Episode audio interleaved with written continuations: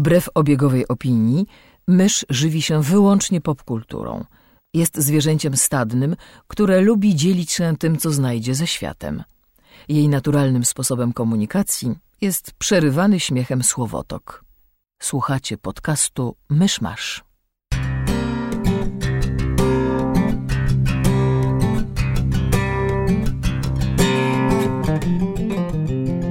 Cześć! Jest poniedziałek, 10 maja 2021 roku, rocznica urodzin aktora i fenomenalnego tancerza Freda Astera.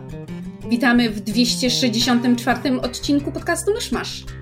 Ja jestem Mysz, a ze mną przy mikrofonie jest Kamil. Hello! I Ania. Hello!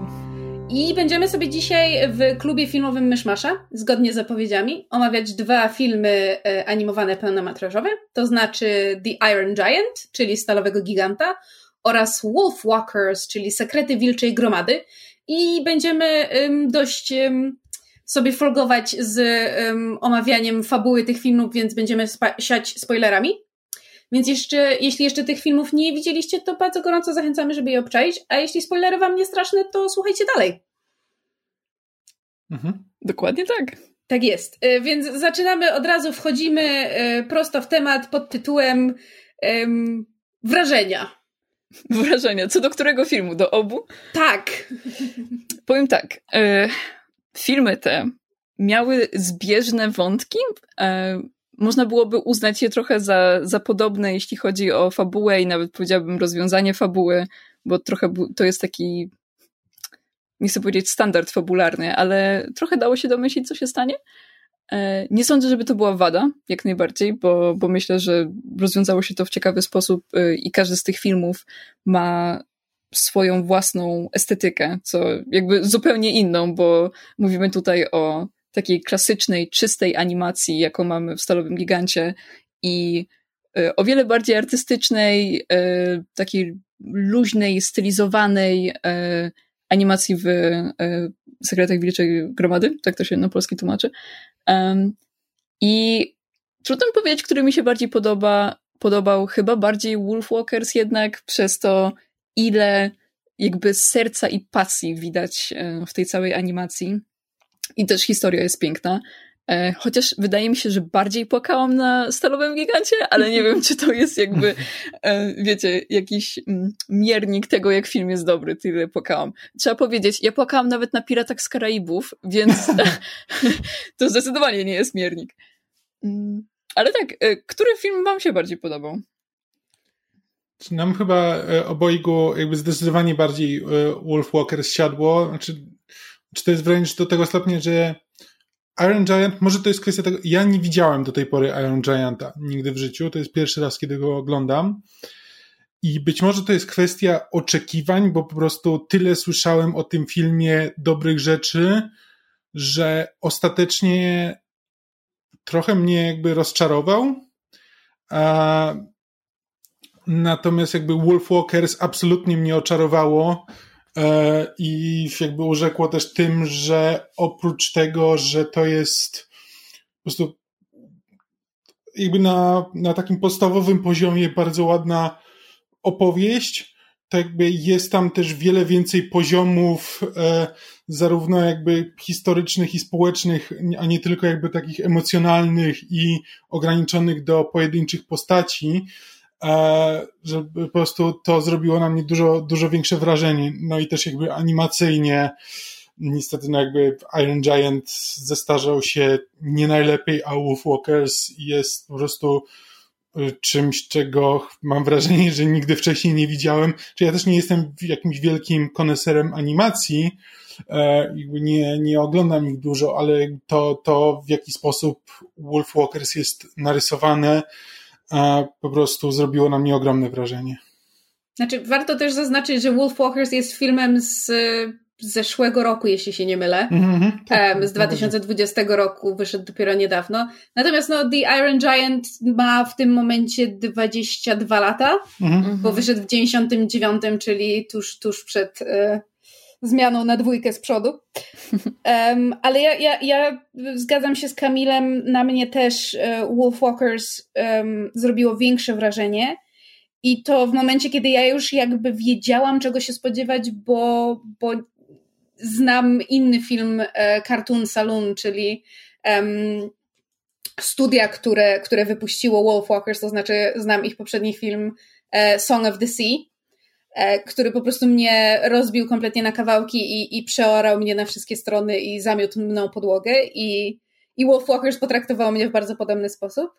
I z Iron Giant miałam podobnie, to znaczy to jest film, który ja przez lata byłam przekonany, że widziałam kiedyś, um, czy to w um, gdzieś na jakimś etapie nadganiania właśnie starszych animacji.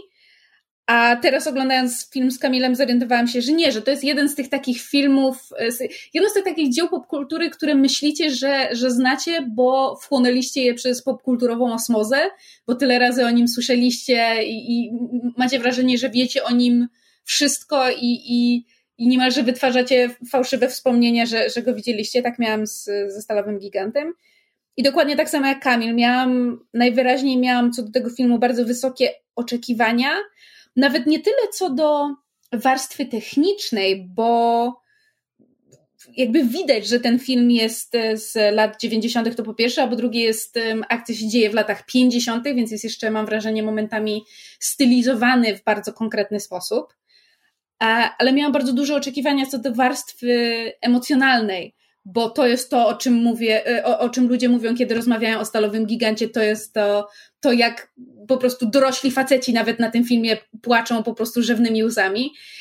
I rozumiem skąd to się może brać, ale wydaje mi się też, że kluczowe dla, w, w moim wypadku, kluczowa różnica emocjonalna pomiędzy Stalowym Gigantem a Wolfwalkers dotyczy jakby tego, o czym film opowiada. I nie chodzi mi tutaj właśnie o tę taką warstwę bardziej, nie wiem, ideologiczno, metaforyczno, tematyczną, gdzie jakby, gdzie w Stalowym Gigancie mamy oczywiście ten um, strach przed e, atakiem nuklearnym i kwestie związane z, um, z wojskiem i z jego wszechobecnością, ale także bardzo e, negatywnymi rzeczami, które się z tym wiążą, gdzie w Wolfwalkers mamy jakby um, rozpanoszenie się ludzkiej cywilizacji na tereny naturalnej y, ten, y, przyrody i jakby dziczy i piękna. Nie chodzi mi o te Jak na filmy dla dzieci, to one są bardzo jakby głęboko osadzone jakby w historii jakby krajów, mm -hmm. z których pochodzą. Tak, to, to, to, to prawda, ale bardziej mi chodzi o taką warstwę emocjonalną sprowadzoną do bardzo łopatologicznych rzeczy, to znaczy Stalowy Gigant jest historią zagubionego chłopca, który znajduje przyjaciela mhm. i, i decyduje, kim chce w życiu być. A, a Wolfwalkers jest o dziewczynce, która wie, kim chce być. Świat jej kładzie kłody pod nogi i ona musi z tym światem walczyć, żeby, żeby um, jakby postawić na swoim i udowodnić, że, że wie lepiej. Plus jest, plus jest też historią trudnych relacji z rodzicami. Mam tutaj na myśli obie bohaterki Wolfwalkers. Um, mm. Jakby miałam bardzo silne skojarzenia z filmem Disneya Brave, który jest jednym z moich ulubionych współczesnych filmów Disneya, ale nie mogę do niego często wracać, bo po prostu ryczę jak, jak dziecko. Mm -hmm. um, I biorąc pod uwagę, że w Wolfwalkers też mamy e, motyw zamiany w, w zwierzę, które jest jakby postrzegane jako jako dzikie, czy, czy, czy wręcz jako potwór i mamy wątek właśnie um, mamy, która pod wpływem magii jest w jakiś sposób od, odłączona czy odseparowana od, od swojej córki. Dla mnie to jest temat, który ze względów personalnych bardzo um, bardzo czule porusza moje e, struny mojej duszy, więc też dlatego Wolfwalkers bardziej do mnie przemówiło. Um, ale skoro żeśmy sobie um, powiedzieli w takim ogólnym zarysie, to może um, omówmy po kolei filmy. Zacznijmy w takim razie od tego nieco Tutaj używam króliczych uszu i ja nie mówię tego, żeby być niemiła, ale tego nieco gorszego filmu. może, może prostszego to było tak, dobre prostszego słowo. to jest dobre słowo. Wydaje mi się, że stelowy gigant jest łatwiej przyswajalny w jakiś sposób. Y, przy Wolfwalkers jakby siedziałam na krawędzi mojego krzesła przez mhm. dużą część filmu, bo po prostu, po pierwsze działo się bardzo dużo, e, a po drugie po prostu chciałam chłonąć te wszystkie piękne po prostu animacje, ilustracje i, i tła, jakie tam były malowane i, i po prostu tysiąc sposobów na przedstawienie czegoś, co dałoby się przedstawić w taki bardzo standardowy i klasyczny sposób, a tutaj wchodzi po prostu ta stylizacja i pomysłowość. Y, no jakby niesamowite to jest, ale do kwestii wizualnych przejdziemy potem, bo w moich notatkach kwestie wizualne mają najwięcej jakby tutaj Ciekawe myślników. Ciekawe dlaczego, dokładnie. Um, ale Stalowy Gigant wydaje mi się, to jest tak, animacja w Stalowym Gigancie mi w ogóle nie przeszkadzała. Nie sądzę, żeby e, była w jakikolwiek sposób zła. Jest prosta, ale powiedziałabym, że nie odstaje bardzo od tego, co w tamtych czasach było. E, I też jakby jak oglądam to w 2021, to, to też nie przeszkadza mi nic i to nie jest w żaden sposób stare, um, przynajmniej jak dla mnie. Uh, I co więcej, wydaje mi się, że, że jakby podoba mi się bardziej niż niektóre animacje Disneya z, jakby z tego samego okresu.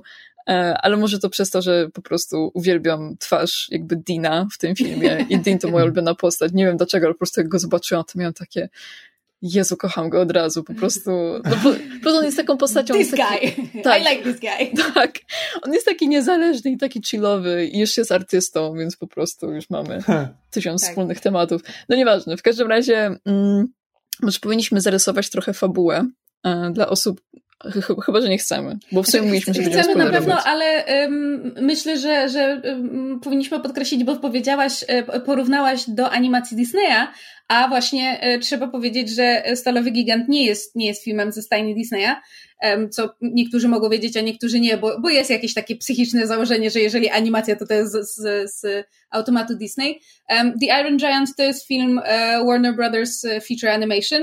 To jest to samo studio, które zresztą rok wcześniej bodajże wypuściło film um, Quest for Camelot, po polsku to miało tytuł e, Magiczny Miecz Legenda Camelotu. I ja strasznie tam ten film lubiłam, ale najwyraźniej on nie miał dobrych wyników kasowych i trochę, trochę był zatopił studio, w związku z tym oni, kiedy właśnie tworzyli Stalowego Giganta, to mieli, mieli problemy finansowe, co... To... Znowu, nie chcę być niemiła do animacji, ale Kamil, to, Kamil o tym wspomniał i, i mam wrażenie, że to trochę widać, że to jest film, który przy którym pracowali bardzo utalentowani ludzie, którzy wykorzystali możliwości i sprzęt, który mieli, żeby, żeby zrealizować swój pomysł. Zresztą widać po tym, że, że z tego co wiem, większość scen ze stalowym gigantem tytułowym jest, jest animowana komputerowo, a reszta, reszta jest ręcznie, więc to jest jakby takie mixed media. Ale, ale moim zdaniem widać tu uproszczenia, widać tu pewno, pewne pójście na skróty. I szkoda, bo bo jest w tym filmie bardzo dużo, bardzo dużo serca. Zresztą jakby sam, sam jego zamysł kojarzący się powiedzmy niektórym z na przykład z E.T. To jest bardzo podobna fabuła, prawda? Z, z kosmosu przylatuje jakiś obcy, zaprzyjaźni się z małym chłopcem, w sprawę jest zamieszane wojsko, no i potem um, dzieją się rzeczy, które, które ostatecznie doprowadzają do jakby rozłąki chłopca, chłopca i jego nowego przyjaciela. Natomiast Stalowy Gigant jest oparty na książce pod tytułem The Iron Man autorstwa Teda Hughesa, który nie wiem czy wiecie, ale był mężem Sylvie Plath. I on tę książkę The Iron Man napisał y, dla swoich dzieci po samobójczej śmierci y, Sylvie Plath, ich, ich matki, jako jakby rodzaj terapii czy, czy, czy udzielenia im pomocy w procesie żałoby i radzenia mm. sobie z, z, tą stratą. A ponieważ e, Brad Bird, dla którego to był debiut reżyserski, um, w sensie Iron Giant, um, nazwisko możecie kojarzyć, bo to jest bardzo znany człowiek w świecie animacji, um, on nie, niedługo przed e, tym filmem stracił swoją siostrę, więc jakby motyw utraty i żałoby jest w tym filmie bardzo bardzo prominentny i, i, i to, to serce, mam wrażenie, to jest to, co czuć i to jest to, co widzów w tym filmie kupuje i przekonuje. Natomiast, no, technicznie. Hmm. Ja nie wiem, coś wizualnie w tym filmie mi nie pasuje. I to jest dziwne, dlatego że normalnie, na przykład jak spojrzymy na Wolf Walkers, to jest film o bardzo konkretnym, konkretnej estetyce, mhm. bardzo specyficznej, nietypowej, to znaczy na przykład sposób, w jaki jest um, rysowana Maeve, czyli ta, ta e, bardziej wilcza, dzika nasza postać, um, jest bardzo specyficzny, nie jest naturalny, nie jest realistyczny, jest stylizowany. I tak samo w Stalowym Gigancie bardzo wiele postaci jest, jest wysoce wystylizowanych, to jak są narysowane. I normalnie mi to nie przeszkadza, a w tym filmie mnie strasznie gryzło. To znaczy, miałam jakieś takie bardzo nieprzyjemne skojarzenia z takimi animacjami, jak na przykład Świat Ludwiczka. I, i, i ja te, tamtego serialu nie byłam w stanie oglądać nigdy te, te, tego animowanego, bo po prostu patrzyłam na design tych postaci i miałam takie. To jest brzydkie, to jest, to jest nieładne, to jest, to jest wizualnie nieładne. I niestety to samo miałam w Stalowym Gigancie. Coś właśnie a propos tego, jak te postacie są narysowane, sprawia, że patrzyłam na ekran z takim. Ale czy to, ale czy to musi tak wyglądać? Co? Mi się to kojarzyło bardzo z e, grami komputerowymi, znaczy z przygodówkami z lat 90., które właśnie często też korzystały jakby z animacji i to właśnie takiej dosyć, e, dosyć taniej, bo nie miały dużych budżetów, więc e, korzystały właśnie z takiego miksu trochę komputerowej, trochę czy wspomaganej wczesnymi komputerami ręcznej animacji, mhm. co powodowało, że ona wyglądała właśnie jako taki kompromis, który ani nie sprawia tego wrażenia właśnie, że to jest coś, nad czym e, konkretna osoba jakby siedziała, co jest stworzone przez jedną osobę, ale też nie ma tego komputerowego sznytu, który jest po prostu jakby, którego można lubić lub nie lubić, ale przynajmniej jakby ma jakiś taki, to jest takie dziwne, dziwne połączenie. Ja chyba nie odczułam tego tak mocno. E, może dlatego, że od samego początku ten film mi się trochę kojarzył, jeśli chodzi o styl animacyjny z Planetą Skarbów, gdzie też użycie 3D e, było mm -hmm. dość mhm. mocne i wydaje mm. mi się, że było było o wiele bardziej widoczne niż w Stalowym Gigancie, e, bo jak dla mnie sama postać giganta bardzo dobrze się jakby mm, stapiała z resztą animacji. Nie by, mm -hmm. znaczy było, było parę momentów, gdzie może rzeczywiście za bardzo to 3D było widoczne, e, ale nie tak jak w, jak w Planecie Skarbów, bo tam to zupełnie wyjęte, ale też e, w Planecie Skarbów, mimo tego, że kocham ten styl, tam było mnóstwo postaci, które były mhm. obrzydliwe mm -hmm. jak dla mnie. Sam, e, sam główny były... bohater, on też o... jakby twarz mu się czasami rozjeżdżała na tak, tym ale interesowali, ale powodu fajny. Tam, tam właśnie w Planeta Skarbów to jest idealne, idealne porównanie i, i ja, ja się absolutnie zgadzam, że w sensie mam wrażenie, że w Stalowym Gigancie trzymanie się tego, że giganta y, animujemy cyfrowo czy, czy komputerowo, a reszta jest rysowana, sprawiało, że nawet jeżeli ten gigant właśnie jakby czasami wychodził za bardzo z tego ekranu i to 3D było bardziej widoczne, to przynajmniej było spójne stylistycznie, co, co mhm. jakby się twórcą chwali. Ale właśnie, kurczę, w Planecie Skarbów nawet jeżeli te postacie tam były brzydkie, to one były. Oryginalne. One były wizualnie interesujące. One mhm. były jakoś tak. Miałam wrażenie, że, że ten design jest spójny, a. E, I, I to zarówno jakby w kontekście pojedynczej postaci tworzącej całość, jak i wpasowywania się w szerszy, jakby szerszy świat i, i world building. Mhm. A a kurczę, no w Stalowym Gigancie tego, tego nie mam. Tam po prostu miałam wrażenie, że każda ludzka postać jest wyjęta z innej, jakby niemalże z innego paska komiksowego. Najbardziej mnie raził ten, ten, ten agent. Tak, Kent. Um, Boże, jak on się nazywa? Kent, Kent. tak, właśnie, Kent. Mhm. Um, i, I właśnie no, no, po prostu wizualnie ten, ten, ten film niestety mnie nie chwycił i mam też wrażenie, że przez to ta, ta, ta emocjonalna, e, ten emocjonalny ładunek trochę po mnie spłynął. No bo jakby w samym swoim założeniu historia o, o chłopcu, którego jakby wychowuje zapracowana e, mama w, w, małej amerykańskim, w ma, małym amerykańskim mieście na, na wybrzeżu, e, który się zaczytuje komiksami, to wszystko jest, się dzieje w trakcie e, właśnie jakby... Zimnej wojny. Tak, zimnej wojny i narastających obaw pod, pod kątem um, Sputnika i, i tego, że Rosjanie nas zaraz e, zaczną szpiegować, a potem nas najadą i w ogóle co to będzie. I w tych, w tych okolicznościach z nieba spada tytułowy stalowy gigant, z którym nasz, nasz bohater się zaprzyjaźnia i, i nawiązuje relacje. No to jest jakby tak jak wspominałam, E.T. to jest ta sama historia i to jest przepis mhm. na, na stworzenie um, fajnej opowieści. I też jest, jest bardzo piękna poetyka, bo zresztą jakby Brad Bird, twórca tego filmu, um, jakby kiedy, kiedy opowiadał o tym filmie i sprzedawał, sprzedawał ten film um, do, do realizacji, no to jakby opowiadał, czy nie, czy nie byłoby fajnie mieć historię um, pistoletu, który, który wie, że jest pistoletem, ale nie chce nim być, nie chce nim być i ma duszę i jakby jest w stanie e, czuć i myśleć. I ta idea właśnie broni, która, która ma duszę i, i nie chce być bronią i, i chce móc podjąć własne decyzje i tak jak w filmie to pada, że, że sam wybierasz kim, kim zostaniesz, kim chcesz zostać, to jest bardzo no, um, powerful message, w sensie no jakby taką um, to, to, to przesłanie jest, jest silne i poruszające. I no i nie zażarło, no próbuję, ja, ja przepraszam, że ja tak zaczynam zdania, a potem nie jestem w stanie ich skończyć, ale po prostu ja odkąd obejrzeliśmy ten film próbuję rozgryźć, dlaczego nie zażarło, bo wiesz Ania, mhm. ja też jestem prosta w obsłudze i mi wystarczy pokazać reklamę papieru toaletowego z pieskiem i ja zaczynam płakać. Um, do tego stopnia, że, że, że dzisiaj rano oglądałam, jest taki kanał na YouTube, się nazywa Cinema, Cinema Therapy.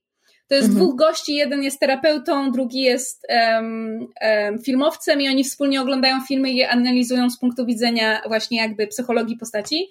I dosłownie parę dni temu wyszedł, wyszedł odcinek o Brave, więc obejrzałam go sobie dzisiaj do śniadania i zaczęłam płakać nad miską płatków, bo wystarczyły fragmenty tamtego filmu, omawiane w kontekście jakby takim bardzo intelektualnym i aż po prostu chlust, ryk. Mhm. Są takie wątki, które jakby bez względu, znaczy może nie tyle, że bez względu na realizację, bo czasami filmy są słabe nawet z wątkami, które się bardzo lubi, ale na przykład e, kurde, jak to się nazywało? W głowie się nie mieści? E, mhm. Inside Out? Ta bajka mi się zupełnie nie podobała, ale wątek... Dzięk! O tak. Boże, kolejna! Ale oh. słuchaj, ale wątek rodziny tam i jakby problem z komunikacją i skomplikowanych emocji, no po prostu beczałam na tym mega, bo mm. to po prostu uderza w struny, które, e, które jakby są mi bardzo bliskie, więc, więc jakby ciekawe, jakby Jestem naprawdę ciekawa, czy w trakcie tego odcinka, jak go teraz nagrywamy, dojdziesz do tego, co dokładnie ci tam nie pasowało. Ale wiesz co, bo chcę jeszcze wrócić do tej planety skarbów, bo mhm. mówiłaś, że tam ci to działa, a tutaj nie. I może to jest przez to, że planeta skarbów z całym rozmachem i światotwórstwem, które, które tam musiało być po prostu przedstawione, w jakiś sposób inkorporowała taką dziwną animację do pokazania tego, jak różnorodny jest ten świat. I mhm. do tych wszystkich właśnie brzydkich, y, y, jakichś tam obcych i, i y, to 3D, które odstawało, ale to było potrzebne, żeby pokazać, jakie fajne są statki kosmiczne i w ogóle. To wszystko było spójne z sobą, właśnie tak jak powiedziałaś, mimo tego, że ci obcy byli bardzo różni, nie wiadomo jakim cudem coś takiego powstało w tym samym kosmosie. E, a w Stalowym Gigancie mm, ten film jest w dużym stopniu realistyczny, jeśli mm. chodzi o stylistykę, bo tam nie ma nic, niczego fantastycznego oprócz faktu, że mamy ogromnego stalowego giganta w mieście. E, a jednak ta różnorodność w twarzach postaci, mimo tego, że mi nie przeszkadza, ja lubię, lubię stylizowane animacje, ale rzeczywiście, jakby jak porównać twarz tego e, jakiegoś rybaka, jakiego, właśnie tego Dina, który jest po prostu piękny i jest e, po prostu wyciosany z marmuru. E, Totalnie. I, a potem masz tego Kenta, który ma po prostu głowę wielkości połowy tego chłopca Hogarta i mamy, która jest taka śliczna i jakby rzeczywiście bardzo, bardzo skleili to wszystko z sobą, co niekoniecznie byłoby potrzebne, bo ten film jednak jest osadzony w takich realistycznych, y, standardowych realiach. E, nawet kolorystyka tego filmu nie jest szczególnie e, rozbujana, że tak powiem. Filmy, w sensie kolory są e, dość ciche. Są sceny, które, w których ten kolor jakby, wiecie, tak wyskakuje z tego ekranu. Bardzo, chyba moja ulubiona scena z tego filmu, jak po prostu Hogarth i, i Gigant idą sobie razem przez las i są takie piękne, po prostu rude, la, e, rude drzewa i mhm. oni po prostu przez nie przechodzą i widzą sarenkę między nimi i jakby gigant wyciąga palec do niej i jest to And piękne połączenie. Tak, jest połączenie technologii z naturą i pokazanie, jak bardzo on jest emocjonalną istotą i no i to jest piękne, tylko że to było jedna, jedna z niewielu scen, w których ten kolor rzeczywiście tak było czuć, a Wolfwalkers jest, jest jakby przesycone w sensie przesycone, ale w dobrym tego słowa znaczeniu, nasycone w takim, w takim razie, kolorem i ten kolor odgrywa tam swoją rolę i buduje ogromny nastrój. Mhm. Jakby są sceny w tym filmie, które gdyby nie ten kolor, to nie wybrzmiałyby w tak idealny sposób, mhm. jak wybrzmiały. Um, ja co, co do animacji jeszcze tylko chciałem powiedzieć, że jakby z jakiegoś powodu, jakby jak patrzę, że tak, i tutaj chodzi tak naprawdę tylko o animację ludzi, bo zazwyczaj jakby e, to, jak jest animowany sam gigant i to, jak wyglądają e, tła, jest bardzo ładne. To mi się bardzo podoba. Natomiast to, jak są animowane postaci ludzkie, przypomina mi z jakiegoś powodu, znaczy patrzę na to i nie widzę tam ręki człowieka, one mi wyglądają jakby narysowane w Paincie, czy e, w jakimś, e, w jakimś programie graficznym na Midze. Nie jestem w stanie do końca, do końca powiedzieć jak, bo nie znam się na animacji na tyle, ale po prostu e, z jakiegoś powodu to, w jaki sposób są, są narysowane, nie przywodzi mi na myśl jakby ludzkiej ręki, tylko właśnie jakiś taki jakiś taki dziwny komputerowy program, jakiś komputerowy generator twarzy czy coś. E, e, ale, w, no ale tak jak mówię, to w jaki sposób jest zanimowany e, gigant jest naprawdę super i no i w ogóle no to jest, to jest najjaśniejszy punkt całej, całej animacji, jakby to, że rzeczywiście jakby czuć czuć w gigancie tą, tą duszę, nawet dużo bardziej niż u e, większości ludzi. E, i to, w, e, to, że to rzeczywiście jakby on, to jak się porusza, to jak, to jak reaguje, e, jest, jest bardzo, bardzo takie ludzkie, a że z jednej strony ludzkie, z drugiej strony obce, ale jakby patrzysz na niego i widzisz, jakby rozpoznajesz konkretne reakcje. I to jest, to jest bardzo fajnie zrobione dla mnie podejrzewam, że to powód, dla którego to mi nie siadło, jest głównie spowodowany tym, że to jest film, który. To jest niestety tak trochę, jak się ogląda filmy, które miały bardzo duży wpływ na dalsze e, historie, bo po prostu znasz już te wątki. E, wałkowane już jakby na różne sposoby i e, przerobione w, na, na najróżniejsze, najróżniejszych wersjach, e, do tego stopnia, że jakby jak wracasz do tego, co było jakby prowodyrem, to to się wydaje dosyć proste i nie robi już takiego wrażenia. I mam wrażenie, że to może być po prostu kwestia tego, bo nie ma tutaj nic takiego to jest dobry film, to jest bardzo dobry film. Jakby nie jestem w stanie powiedzieć, że Iron, Iron Giant jest, jest złym filmem, e, bo, bo jest zrealizowany bardzo dobrze, ta historia jest opowiedziana bardzo sprawnie, e, rzeczywiście jakby czuć te emocje, tylko po prostu one nie zrobiły na mnie wrażenia. E, bo, bo wiedziałem, do czego to dąży, wiedziałem, czego się spodziewać, jakby rozumiałem już te, te wątki i jakby oglądałem ten film czysto jakby z intelektualnym zainteresowaniem, ale bez, bez emocjonalnego zaangażowania. Hmm. E, e, przyjrzałam, się w trakcie, jak Kamil mówił, e, paru po prostu zrzutom z ekranu z tego stalowego giganta, bo to, moim zdaniem to są bardzo mocne słowa, jak mówicie, że um, że ten film wygląda, jakby, że postacie z tego filmu wyglądają jakby były wygenerowane przez komputer, bo mi się tak w ogóle nie wydawało, hmm. ale zastanawiam się, zastanawiałam się, jakby, czym to może być spowodowane e, i wydaje mi się, że to jest kwestia czystości konturu, bo w tym filmie nie ma ani jednej linii, która byłaby, wiecie, out of place. Mm co w, w, opozycji do Wolfwalkers, gdzie widać po prostu szkic animacji mm -hmm. w ostatecznej wersji filmu, co jest jakby świetnym zabiegiem moim zdaniem. E, moim zdaniem to w Stalowym Gigancie ten kontur jest bardzo czysty, e, plus jest kolorowany na trochę ciemniejszy odcień że tak powiem, apli, mm. którą otacza, co mnie, ja, ja, tego, ja szczerze mówiąc tego trochę nie lubię, chociaż nie wiem, może mm. gorzej by było, gdyby ten kontur był w całości czarny, ale jest tam też mało cieni na, y, na całej postaci. Mm. One są, zazwyczaj są po prostu jednolite bez względu na otoczenie, e, w którym są. W sensie, jeśli, mm. wiecie, jeśli jest pokój, mm. który jest zupełnie ciemny, to po prostu no te postaci też są ciemne, żeby nie odstawać od reszty. Jeśli jest jakieś e, istotne, e, dramatyczne światło, jakieś takie, wiecie, od tyłu, żeby podkreślić jakieś, e, wiecie, e, no coś, co się dzieje w scenie, no to, mhm. też, to też to tam występuje. Nie ma tam tak ogromnych zaniedbań, ale nie.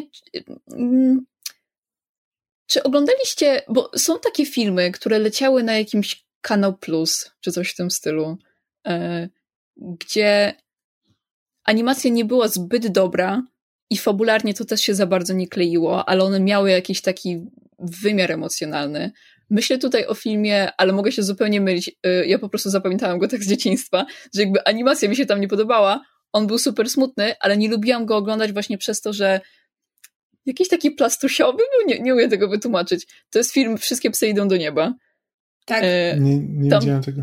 Tam też miałam problem, z, e, myślę, porównywalny problem do tego, co się działo w Stalowym Gigancie. E, aczkolwiek w stylowym, e, stylowym, stylowy gigant e, sequel. E, w Stalowym Gigancie miałam taki problem, taki, że po prostu rzucało mi się w oczy i aktywnie przeszkadzało to, że nie mieli uszów naryso- uszu narysowanych w odpowiedni sposób. Mieli tylko jakby zewnętrzną małżowinę i nic w środku i to mi przeszkadzało, bo to było bardzo widoczne, bo postaci miały duże uszy zazwyczaj, szczególnie Hogard, gdzie uszy to, to była jedna trzecia jego twarzy. Więc, e, więc to mi głównie przeszkadzało. Reszta nie tak bardzo, ale na pewno ta animacja byłaby w stanie wyglądałaby o wiele lepiej, gdyby była rysowana w tych czasach. I nawet nie chodzi mi o zaawansowanie techniczne. Mm, nie, może cofam to. Nie, nie rysowana w tych czasach. Gdyby było więcej czasu na rysowanie tej mm. animacji. Mm. A, to może być absolutnie kwestia czy, tylko i wyłącznie budżetu i ograniczeń czasowych. E, więc jakby trudno się, trudno mi powiedzieć, że tutaj ktoś coś e, zepsuł, no bo jakby rozumiem, że to nie jest, to, to, to niekoniecznie jest wizja, którą, która jest kompletna, mm, no ale, ale po prostu jakby z jakiegoś powodu zwracało to moją uwagę bardzo mocno. Mam też wrażenie, że trochę żeśmy niedźwiedzią przysługę stalowemu gigantowi um, zrobili um, właśnie porównując go, czy znaczy niechcący porównując go z Wolfwalkers, bo, bo to jest właśnie ta Gdybyśmy chcieli, mam wrażenie, e, Stalowego Giganta porównać do podobnego filmu, to właśnie coś ze stajni Dona Bluta, czyli tak jak właśnie wszystkie psy idą do nieba, albo Salineczka, albo nie wiem, um, um, ten American Tale, to jest chyba, nie pamiętam, czy to ma tytuł amerykańska opowieść, o myszy, która, o żydowskiej myszy, która przyjeżdża do Stanów z rodziną i się mm, gubi. Um, to właśnie tego typu filmu, który jakby też też mają bardzo specyficzny styl. To jest zresztą mem w świecie animatorów, że wszyscy mężczyźni Dona Blufa wyglądają tak samo. Jeżeli kojarzycie, jak wyglądał Dimitri z Anastazji, to jest mężczyzna Dona Blufa. Oni wszyscy wyglądają po prostu jak, jak kalka zdjęta z, z jednego mężczyzny. Ale Dimitri jest piękny. A on jest piękny, ja go kocham, ale to jest ten sam facet we wszystkich filmach Dona Blufa. Um, Zrozumiałe. Może więc więc wydaje mi się, że po prostu to jest, wiecie, to jest jak porównywać, um, nie wiem, no. E, Reksia do Koko. Znaczy... Jakby jedno i drugie stanowi klasykę i jest piękne samo w sobie, ale jakby zupełnie inne estetyczne jakby zmysły i poczucia, jednak ta, to jak Wolfwalkers jest wystylizowane, jak jest zatopione w swoim folklorze i warstwie artystycznej i i, tej, i tym całym wręcz właśnie mistycyzmie, tym, tym, ten element fantazji, który tam jest, mam wrażenie, też bardzo daje im dużo swobody, mhm. której stalowy gigant właśnie nie ma ze względu na to, że jest bardziej realistyczny. I ja na przykład, ja widzę w tym filmie to, co on, oni próbowali zrobić, że jakby ze względu na to, że to się dzieje w tym takim małym amerykańskim miasteczku, że to jest o lęku przed nieznanym i przed wpływami z zewnątrz. Oni nawet na tego właśnie Dina, który jest właśnie tym, tym tym bitnikiem, e, wiecie, z, z, tego nowego pokolenia, bardziej zblazowanym, to już mieszkańcy reagują na, na niego z, z nieufnością, czy, czy czasem wręcz wrogością. I ja widzę w tym taki animowaną wersję niemalże obrazu Normana Rockwella, który ma pokazać tę sielankową amerykańską um, wioskę i, i jak ona się broni przed przed atakami wstrętnych Rosjan, czy, czy tego, kogo postrzegają za wstrętnych Rosjan. Czekaj, on, on się nazywał Norman Rockwell? ten, ten y, artysta, który ten, z, co, co, co amerykańską, ten amerykański folklor malował? Tak. E, czy to miasteczko się nazywało Rockwell przypadkiem? To, w którym się działa fabuła? Tak, tak, więc jakby tutaj, tutaj wszystko jest, um, wszystko się zazębia. Um, ja też mam takie wrażenie, że ten film jakby oglądam go w momencie, kiedy jestem zmęczony sentymentalizmem jakby filmów Disneya, jakby zupełnie nie mam ochoty oglądać, e, e, oglądać Disneya. To się trochę rozszerza na, e, na Marvele, gdzie też jakby Marvele ostatnio oglądam jakby z pewną dozą dystansu. E, I to się trochę przekłada na, na Iron Gianta, który znowu jest jest inny. To nie jest do końca ten rodzaj sentymentalizmu, który jest w filmach Disneya, e, ale mimo wszystko jest to jakby, ale jest e, on typowy dla tej epoki. E, I jakby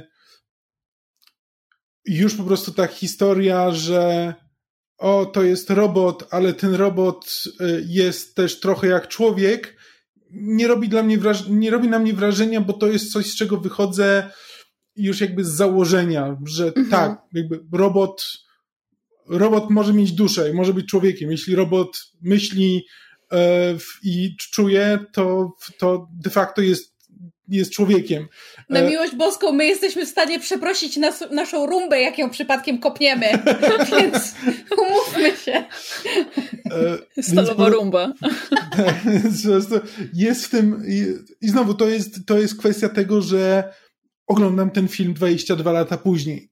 Mhm. E, jakby już mając za sobą pewien bagaż jakby innych, e, innych rzeczy i nie mając za sobą e, i nie, nie wiążąc z nim żadnych wspomnień tego, jak widziałem go po raz pierwszy.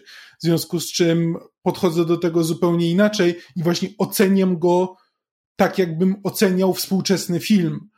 E, I i mam wrażenie, że on na tym najbardziej traci. Ale to jest cieka ciekawe też, co powiedziałeś o, o stalowym gigancie, jakby jako te, te kwestie robota, czy ma duszę i tak dalej. Bo dla mnie ciekawe jest to, jak inaczej wygląda stalowy gigant, kiedy jest jakby, kiedy jest sobą, a kiedy włącza mu się ten tryb jakby chodzącej broni. Bo ta, ta, ta jakby scena, kiedy, kiedy on um, włączają mu się wszystkie te, te, te systemy obronne, bo, bo jakby to jest też główny punkt, który tam jest um, um, przytaczany, że, że on tego nie robi w ramach e, ataku, tylko jako, jako ten system obronny, on się w ten sposób um, broni przed, przed czymś, co postrzega jako zagrożenie. Haha, ironic that, biorąc pod uwagę temat filmu.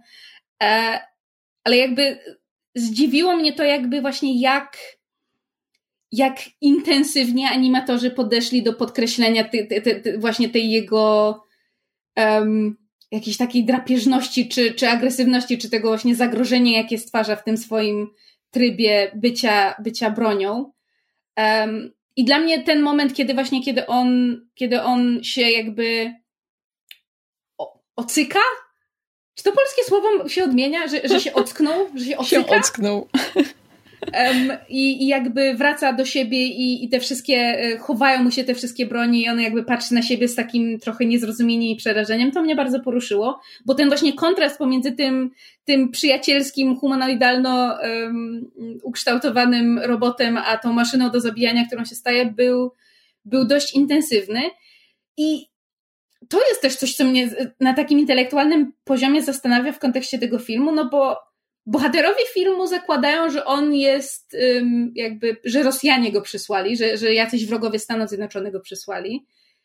My w sumie się nie dowiadujemy skąd on się wziął, ale raczej z kosmosu, bo Rosjanie na tamtym etapie nie mieli takiej technologii, w sumie nadal chyba jej nie mają, miejmy nadzieję. Miejmy nadzieję, że nikt nie ma takiej technologii. E, Rosjanie, którzy nas oglądają, dajcie nam znać w komentarzach, czy tak, macie dokładnie. taką technologię. Zdradźcie nam e, sekrety ten rządowe.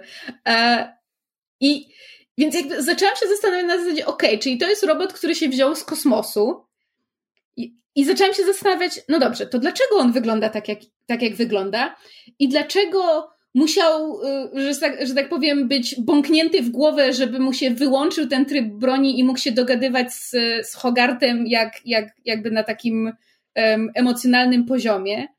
Dlaczego ta broń, którą ma wbudowaną jest tak, tak OP i tak y, jakby bardzo niewspółmierna do zagrożeń, które mógł spotkać? Jakby ten, kto go stwarzał, co, co próbował co próbował zrobić, bo bo z jednej strony film ma być o broni z duszą, która trafia na ziemię i zdaje sobie sprawę, że nie chce być bronią, mhm. a z drugiej strony Dean, może w ramach jakby próby racjonalizacji, ale Dean uparcie twierdzi i wszystkim mówi, że to są tylko i wyłącznie systemy obronne, że to nie, że, że stalowy gigant nie został stworzony, nie został obmyślony jako broń ofensywna, tylko to są wszystko mechanizmy defensywne, on broni siebie w ten sposób. A to, że przy okazji, że tak powiem, tworzy zniszczenia, no to jakby to jest collateral damage. Ale po prostu się autentycznie zastanawiam, co, czy, czym ten robot miał być, bo mi się to trochę nie klei. Wiesz co, ja myślę, że trzeba rozdzielić charakter, osobowość stalowego giganta um, taki, na ten, jaki był zamierzony, a jaki się w nim obudził po bońknięciu w głowę, skoro tak to nazywamy. E, bo wydaje mi się, że on został stworzony jako broń. E, dlatego ma te wszystkie jakby ulepszenia w sobie, które, które pokazuje, kiedy po prostu podczas gniewu i, i rozpaczy e, aktywuje je, żeby niszczyć, niszczyć ludzi, ponieważ myśli, że zabił Hogarta. Ale myślę, że fakt, że on nabrał jakichś uczuć, nie był planowany przez jego stwórcę, mhm. ponieważ fakt, że mógł mieć te uczucia, wynikał właśnie z tego błęknięcia w głowę. I jakby e, Hogarth mówi o tym, e, o tej wadzie, jako o czymś, co sprawia, że, e, że stalowy gigant nie pamięta swojej przyszłości, ani skąd jest inne takie. I to się wydaje istotne, ale w tym filmie nie dowiadujemy się w ogóle skąd on pochodzi i jaki był jego cel i inny taki. I to w ogóle nie jest istotne. Ale istotne w tym boinknięciu jest fakt, że jakby dezaktywowało jakąś funkcję w nim, która pozwalała mu na bycie tylko maszyną i tylko, tylko bronią. I, pozwoli, i, I ta wada pozwoliła mu na bycie bardziej ludzkim. I, i myślę, że to jest, to jest piękne w jakiś sposób. Mm. Koniec mm. filmu daje sugestię, że, e, że on powróci i będzie dobry. Nie wiem, czy też ma wtedy bońknięcie, czy jakby, czy to sugeruje, że jakby on już dostał duszę, bo Hogarth mówi w pewnym, znaczy dostał duszę, duszę robię tutaj cudzysłowie, e, bo Hogarth w pewnym momencie w filmie mówi, że jego mama powiedziała, że wszystko, wszystko co jest dobre mhm. na świecie, nawet po śmierci jakby będzie nadal na tym świecie istnieć i, i że dusze nie umierają. I wydaje mi się, że tutaj słowo dusza, on, on oczywiście ma religijny kontekst, ale, ale nie sądzę, że stalowy gigant wierzy w Jezusa, żeby, żeby mieć tą duszę, ale chodzi tutaj o jakiś właśnie taki koncept człowieczeństwa i, i takiego robienia rzeczy dla siebie i w imię przyjaźni i miłości. E, może miłość jest, jest tym czymś, co przetrwa nawet po śmierci. E, więc, więc myślę, że, że to było bardzo ładne i hmm bardzo, bardzo poruszające i, i nawet się cieszę, że nie wytłumaczyli skąd on był, bo nie wiem, czy by mi nie popsuło tego filmu takie stwierdzenie, że tak, on jest z planety 5010 i stworzył go gościu, który chce zniszczyć cały świat. E, nie wiem, czy to by mi coś dodało specjalnego do faktu, że on okazał się dobry. Tak, że też, nie... Mhm. Te, też myślę, że to jest, że to jest e, lepsze, bo e, jakby nie to jest, nie to ma znaczenie, bo właśnie fakt, że nie wiemy tego, jakby sprawia, że trzeba o nim myśleć jakby głębiej, jakby to, że e, bo jeśli wiadomo, że on jest bronią, to broń można rozbroić. Jeśli, jeśli nie wiemy, czy on jest świadomą, świadomą istotą, e, w których jest pełno na, w, gdzieś we wszechświecie, ale właśnie czy, czy jest po prostu bronią, czy jest maszyną, czy, czy to jest osobny gatunek, e, czy on ma nad sobą panowanie, co on, co on wie o sobie albo co powinien wiedzieć. To wszystko są jakby rzeczy, które sprawiają, że trzeba o nim myśleć jakby dużo głębiej i też, że to jest bardziej niepokojące jakby za, nawet zagrożenie, bo jakby zaczynasz rozumieć czemu ludzie by się go bali, bo to jakby jeśli możesz coś zrozumieć, to natychmiast możesz też znaleźć rozwiązanie. Natomiast jeśli czegoś nie rozumiesz, to nawet nie wiesz od czego zacząć. W związku z czym jakby sam fakt, że jakby to nie jest wytłumaczone, sprawia, że e, sprawia, że też dużo lepiej rozumiesz to, dlaczego, dlaczego ktoś może reagować tak jak e, agent, jak mu tam. E, Kent Mansley. Tak, tak, właśnie. tak. Pracując do rządu. Ja, ja nie twierdzę, że to w filmie powinno być wytłumaczone, że to powinno się pojawić, że powinniśmy mieć instrukcję obsługi pod tytułem on jest zbudowany tak i tak i służy temu temu, tylko po prostu to jest coś, co w trakcie filmu, nad czym w trakcie filmu zaczęłam się zastanawiać, bo miałam takie no było to właśnie jakieś takie bardzo duże uproszczenie i mam wrażenie w ogóle, że w tym filmie szeroko pojęte uproszczenia mi bardzo w jakiś sposób um, przeszkadzały. Było, bo było ten, parę. Bo ten Kent jest tak karykaturalną postacią, tak karykaturalnie właśnie mhm. uproszczoną mm. i, i taką kwintesencją tego bezmyślnego um, lęku przed nieznanym i, i pragnieniem jakiegoś um, dowiedzenia swojej wartości, które w imię właśnie tego, tego zaślepienia i dążenia po trupach do celu jest w stanie dosłownie skazać na śmierć całą, e, całe miasteczko, już pomijając resztę stanu, no bo jakby tam walnęła atomówka, no to więcej osób miałoby przeklapane. I znaczy, natychmiast nie lubiłam agenta Kenta i pod koniec to już miałam ochotę mu osobiście łeb ukręcić. Um, jest to ciekawe, dlatego że oba, oba filmy, które żeśmy oglądali w ramach klubu filmowego Myszmasza, wzbudziły we mnie te reakcje, bo um, Lord Protector w Wolfwalkers wywołał we mnie bardzo podobne emocje, te właśnie takie towarzyszące, um, in, znaczy nie interakcji bezpośredniej, ale styczności z, z człowiekiem zaślepionym. Mhm. I i chciałabym, żeby w tym Kencie było coś, żeby w nim było coś więcej, żeby to nie było takie.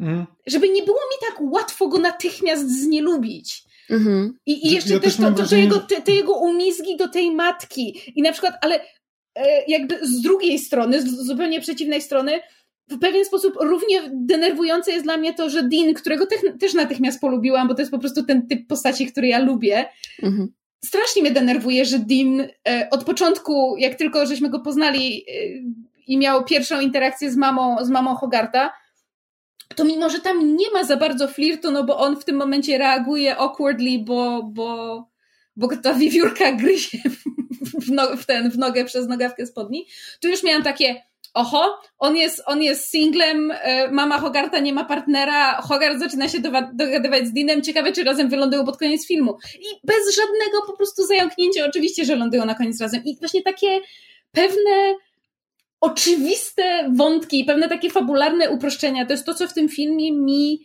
na dłuższą metę przeszkadza. I znowu, Kamil ma rację, gdybym ten film obejrzała mając lat, nie wiem, 8 i wywarł na mnie wtedy ogromne wrażenie, to teraz prawdopodobnie o wiele więcej byłabym mu w stanie wybaczyć, ale ponieważ go obejrzałam mając 33 lata i mając duże oczekiwania, mam takie.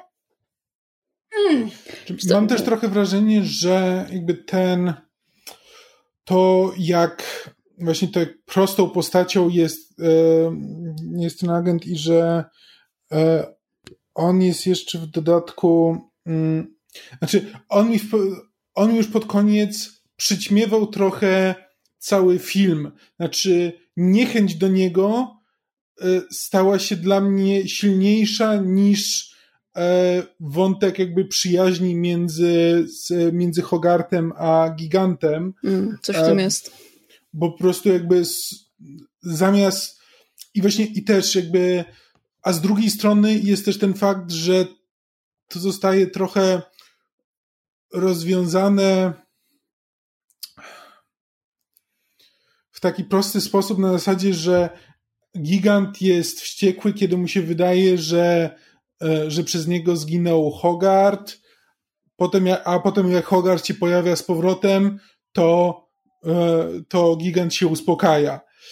E, I to no, to nie jest to, że jakby ich przyjaźń w jakiś sposób jakby go stabilizuje, tylko po prostu samo pojawienie się e, Hogarta już rozwiązuje sytuację, natomiast pojawienie się Hogarta doprowadza do, do pojawienia się Hogarta doprowadza Dean de facto, bo po prostu, bo on musi po niego pojechać i, za, za, i zabrać go z powrotem do giganta i pokazać gigantowi, że tu jest Hogart. To fair, on go to... wiózł do szpitala. Hogart no się tak. wyrwał z tego samochodu, żeby do niego to, to prawda, tak, no okej. Okay. Um, ale po prostu jakby z jakiegoś powodu brakuje mi w tym, w tym rozwiązaniu tej sytuacji e, jakiegoś głębszego ukazania właśnie tej przyjaźni między, e, między chłopcem a gigantem. Nie. Myślę, że mogli, mogli to zdecydowanie pogłębić, ale wydaje mi się, że ta scena właśnie, o której mówisz, gdzie, gdzie Gigant się uspokaja dzięki obecności Hogarta, e, jak dla mnie ona wybrzmiewa, bo przez cały ten film Hogart się bardzo poświęca dla, mm. dla tego giganta. On ryzykuje, e, ryzykuje swoje zdrowie, ryzykuje e, jakby relację ze swoją mamą, która, która po prostu widzi, że coś się dzieje niepokojącego i jej syn nie chce o tym mówić, ryzykuje problemy z rządem, bo ten Kent cały czas siedzi mu na ogonie i, mm -hmm. i mhm. grozi mu po prostu, że jeśli, jeśli się nie, jakby, jeśli nie pokaże dowodów na istnienie tego giganta, to po prostu doprowadzi do tego, że jego mama straci prawo e, do, do jakby posiadania go jako dziecka.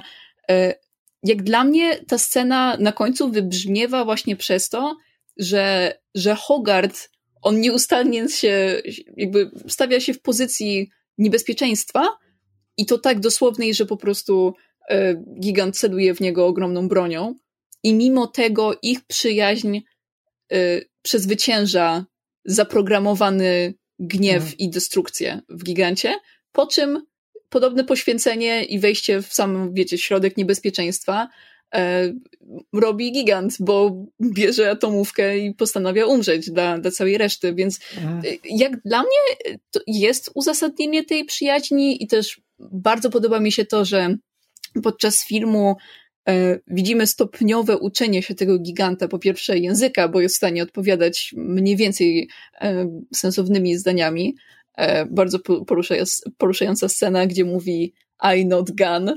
Mm. Jakby to, to mnie tak złapało za serce.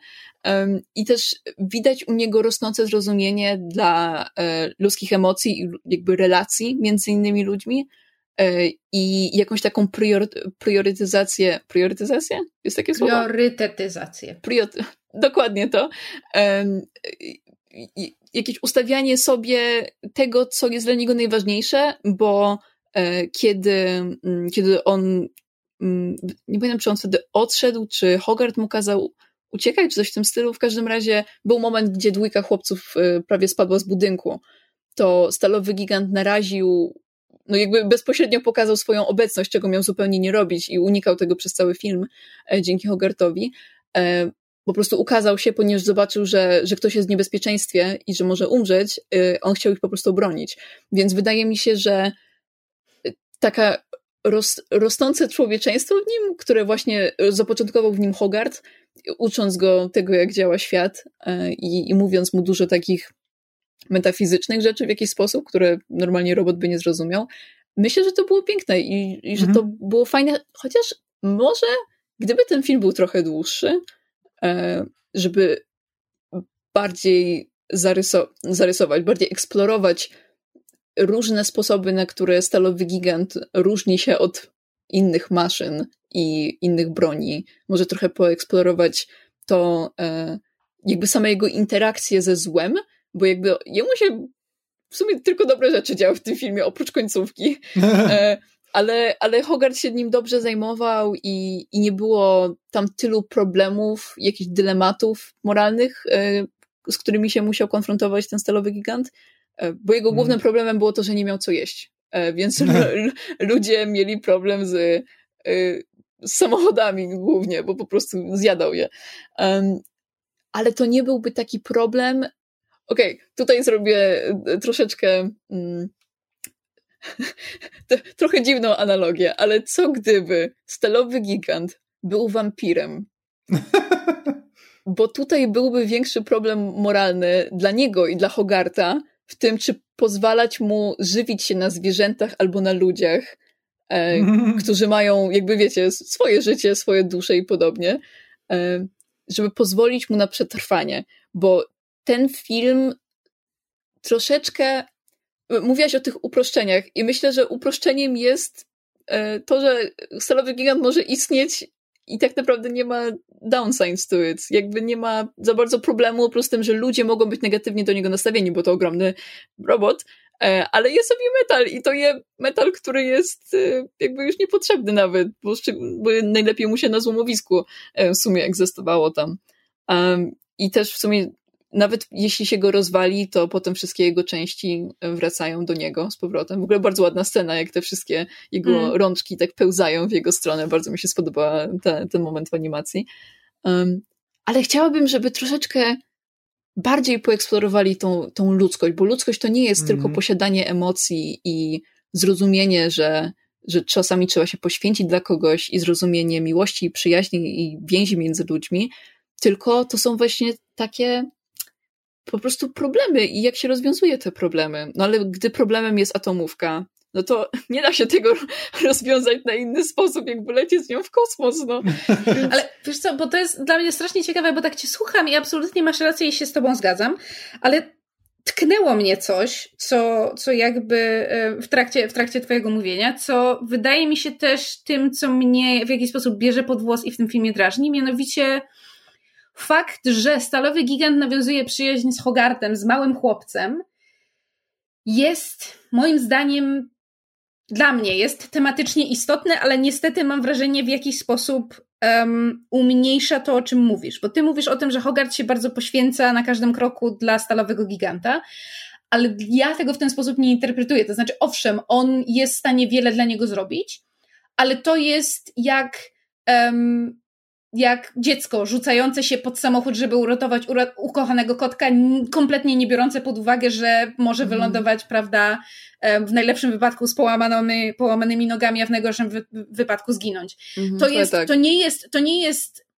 dla mnie to nie jest um, poświęcenie, Hogarth jakby intelektualnie się nie poświęca dla stalowego giganta, on tego nie robi z, z autentycznej, powiedzmy, jakiejś, znaczy nie autentycznej, ale takiej rozmyślnej, um, empatii, tylko po prostu jest, jest dzieciakiem, który znalazł sobie przyjaciela, na którym mu zależy i on nie ma mm. koncepcji tego, jakie konsekwencje mają jego działania. I dla mnie w pewnym sensie analogia pomiędzy Stalowym Gigantem a Hogartem polega na tym, że w moim odczuciu, ponieważ Stalowy Gigant był wychowywany przez dziecko, Mhm. ma równie zdrowe, znaczy może nie, ma odrobinę większe, ale niekompletne pojęcie konsekwencji swoich działań, bo na przykład wspominałaś o scenie, kiedy on się rzuca, żeby uratować tych dwóch chłopców, kiedy spadnie z budynku, a ja jak tylko zobaczyłam, jak on się rzuca im na ratunek, pomyślałam, o mój Boże, on zaraz się rzuci szczupakiem i zgniecie wszystkich ludzi, którzy są pod tym budynkiem, Też o tym myślałam. bo on nie ma żadnego wyczucia jakby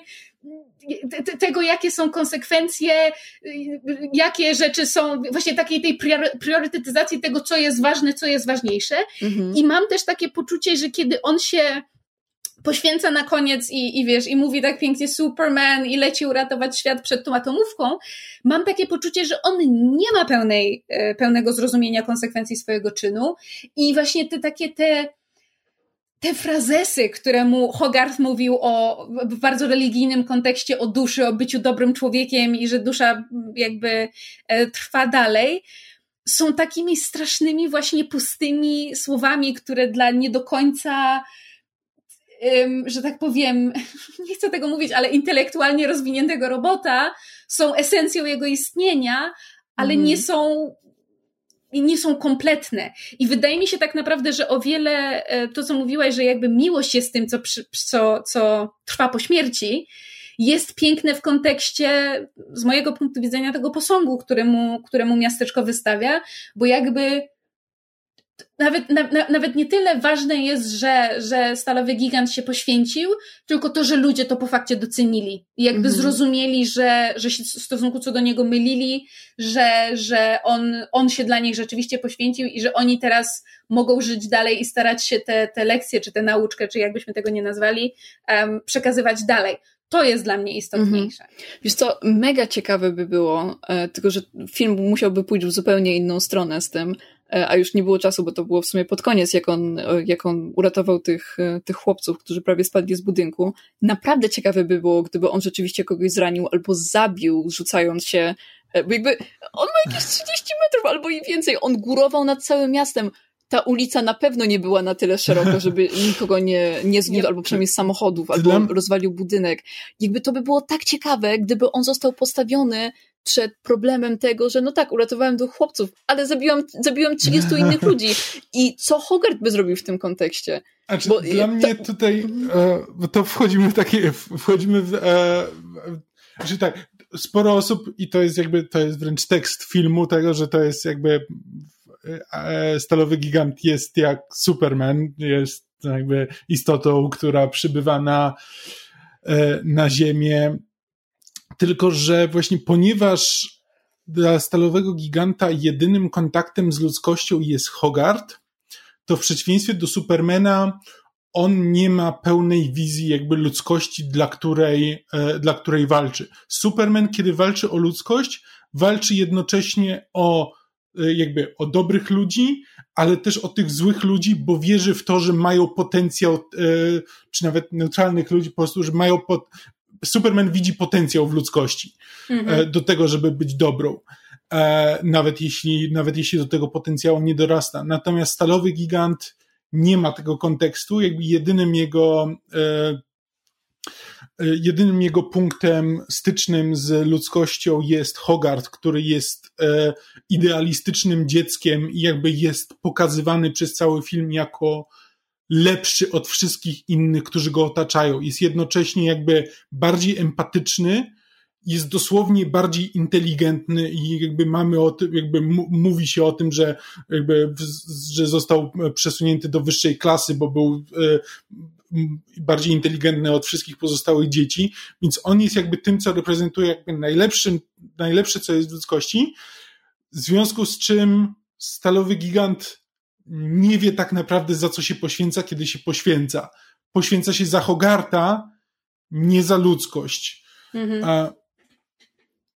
Wiesz co, to jest bardzo, bardzo ciekawe, bo nawet nie, nie za bardzo zwróciłam uwagę na to, że rzeczywiście Hogart jest bardzo tak stawiany na piedestale. E, nawet nie wiem, czy jest potrzebny, czy był potrzebny wątek tego, że on jest bardziej inteligentny od reszty. Mi się akurat bardzo podobała e, ekspozycja tego, bo on to powiedział w 10 sekund mm. podczas tego, gdy po prostu napił się pierwszy raz kawy tak. i, i to wszystko po prostu się z niego wylało. Tylko właśnie nie wiem, czy to nie jest, czy to było potrzebne, a wręcz przeciwnie, nawet wydaje mi się, że ciekawsze by było, gdyby on był takim miernym dzieckiem, któremu się nigdy w mm. życiu nic ciekawego nie przydarzyło i nigdy nie był specjalny, i pierwsza niesamowita rzecz to był właśnie ten ogromny robot. E, ale, ale wiecie, Hogarth był. Hogarth od samego początku jest bardzo odważny. Jest. E, no, nie podoba mu się to, że odstaje od reszty za bardzo, bo na końcu zresztą w tym takim bardzo optymistycznym zakończeniu widać, że on ma przyjaciół. E, ci chłopcy, którzy wcześniej się z niego śmiali i, i w ogóle teraz są jego przyjaciółmi. Ale wiecie, on widzi, widzi, że coś się dzieje w lesie w pierwszych paru scenach, od razu idzie do jakiejś ogromnej elektrowni. Widzi, że gigant jakby pali, znaczy nie pali się, tylko jest rażony przez prąd i od razu biegnie do elektrowni, żeby wyłączyć ją. E, tutaj było jedno z tych uproszczeń, które mi się średnio podobało, z tym, że jest po prostu ogromna wajcha z napisem yep. wyłącznik i po tak. prostu może wyłączyć całą elektrownię. Bardzo Czy to nie była sposób. elektrownia, to był, to był transformator, to okay, gdzieś po drodze. Nie, tak. nie, nie, wiem, jak działają transformatory, ale zakładam, że nie da się ich tak łatwo wyłączyć. Znaczy, e. jeżeli jest wyłącznik, to jest w zamkniętej na kluczyk skrzynkie za, w skrzynce za metalowym ogrodzeniem, to więc no, tak.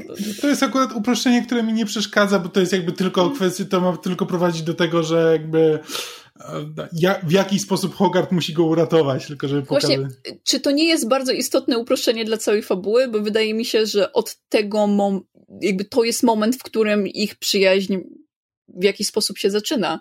Bo, bo gigant jakby widzi, że on próbował mu pomóc Mhm. No ale to też jakby to jest znaczy, film tak, animowany, to, nie? Więc jakby no tak, bez przesady. No, to jest właśnie, to, to jest po prostu, no, no tak, to od tego się zaczyna, tylko że to jest właśnie, dlatego mi to uproszczenie nie przeszkadza, bo to jest po prostu jakby uproszczenie, które prowadzi do jakby pierwszego, najbardziej oczywisty, y, oczywistego kroku na, e, jakby w tej historii, tylko ma jakby, ma być tylko symbolem tego, że no, on zrobił coś, mógł uciec, ale nie uciekł, postanowił zostać i uratować e, giganta. I to Mhm, jest tylko, fair. i dosłownie jakby w, wielki wyłącznik na zasadzie możesz go zostawić w spokoju i, no, i teraz ta istota, o której nic nie wiesz, po Mhm. prostu zginie, a ty zapomnisz, że to się kiedykolwiek wydarzyło, albo możesz tam wrócić i jej pomóc. I po Mhm. prostu masz wielki sygnał, że to jest twój wybór. Tylko właśnie, znowu, ten wybór nie przychodzi z żadną konsekwencją, bo jeśli Mm. on by go uratował, ale równocześnie naraził, jakby on się naraził na, bezpiecze- na niebezpieczeństwo, ale nic mu się nie stało. Po prostu te kawałki e, metalu z, z tego transformatora padały wokół niego, on sprawnie przeskakiwał między nimi, nic mu się nie stało, nie, nie stawiał niczego na szali tak naprawdę, bo Mhm. zrobił, może nie tyle, że zrobił to bezmyślnie, bo na pewno mu przyszło przez głowę, że, że jeju, to jest okropne e, niebezpieczeństwo i, i jakby co się stanie, jak umrę i, i że moja mama będzie samotna i tym podobne, ale tego w filmie za bardzo nie czuć, bo on bardzo szybko zaczyna się jarać tym po prostu stalowym gigantem i jakby Mm. cieszyć się, że, że ma wreszcie przyjaciela, jego zwierzątko, którego tak bardzo pragnął.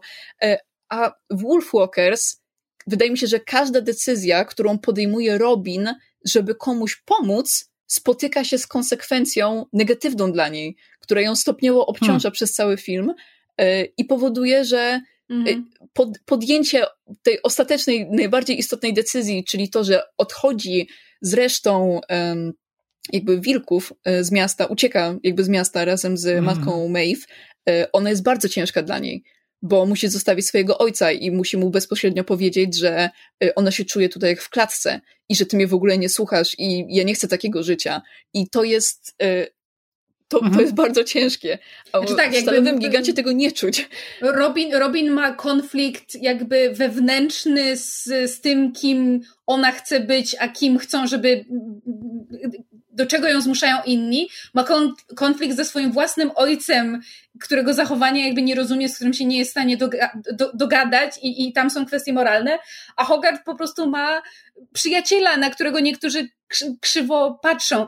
Jeszcze, wiecie, chciałam wspomnieć, bo mówiliście o tym, że, że, że trochę nie ma powodu, dla którego Hogarth jest pokazany jako ten inteligentny dzieciak, ale to jest bardzo prosty, łopatologiczny znowu powód, co mam wrażenie jest jakimś tematem przy okazji tego filmu, to znaczy on jest pokazany jako ten, jako ten, wiecie, bystry dzieciak, y, rozwinięty ponad wiek nerd bystrzaka, bo dzięki temu mamy pretekst, żeby inne dzieciaki się z niego śmiały i nie lubiły z nim przebywać, więc on jest samotny, więc on oczywiście będzie lgnął do stalowego giganta, bo on chce mieć przyjaciela, który z nim chce przebywać i go traktuje jak jak równego, a już fakt, że to jest gigantyczny robot i jest cool, jest dodatkowym e, bonusem. I ja, ja, ja nie chcę tego filmu upraszczać ponad miarę, bo on jakby myśleliśmy, że będziemy o nim krótko rozmawiać, rozmawiamy o nim już godzinę, więc widać, że w nim są, są rzeczy i są warstwy, są, Mhm. są rzeczy do omówienia, ale jakby wydaje mi się, że jest, jest pewien element tego filmu, który, którego ciężko jest przemyśleć, to znaczy właśnie ten aspekt tego, że każdy mały chłopiec chciałby mieć super robota jako przyjaciela. I to może być dramatyczne uproszczenie, ale wydaje mi się, że to jest, że nie na darmo w popkulturze e, jest ten właśnie taki, taki pokutuje takie przekonanie, czy, czy, czy jest taka, taka teoria, że właśnie e, Iron Giant to jest jeden z tych filmów animowanych, co puścisz dorosłemu mężczyźnie i on się rozbeczy, bo, bo w jakiś sposób mam niejasne poczucie, że w chłopców ten film może, może um, rozbrzmiewać bardziej. Mhm. Też właśnie na tej zasadzie, na jakiej Hogarth wy- jest wychowywany tylko przez ma- mamę, w jaki sposób um, lgnie do było, nie było dużej, silnej, męskiej, obronnej postaci giganta, w jaki sposób lgnie do Dina, który jest jedynym jakby mężczyzną w jego życiu, którego traktuje no mniej protekcjonalnie niż powiedzmy inni dorośli. Wydaje mi się, że to się nie dzieje bez powodu. Natomiast tym, co jeszcze chciałam wspomnieć, powoli już przechodząc do Wolfwalkers, jeżeli możemy, to jest to, że kiedy mówiłam, że chciałabym, żeby w agencie Kencie, hehe, w agencie było coś więcej, no bo jakby kiedy, kiedy e, skondensujemy go do takiej podstawowej emocji, to czym, czym przewodzi, e, co, co przewodzi Kentem, jest strach. On się boi um, tego, że straci pozycję, on się boi um, obcości e, i, i, i działa poprzez strach. Ale jakby nikt go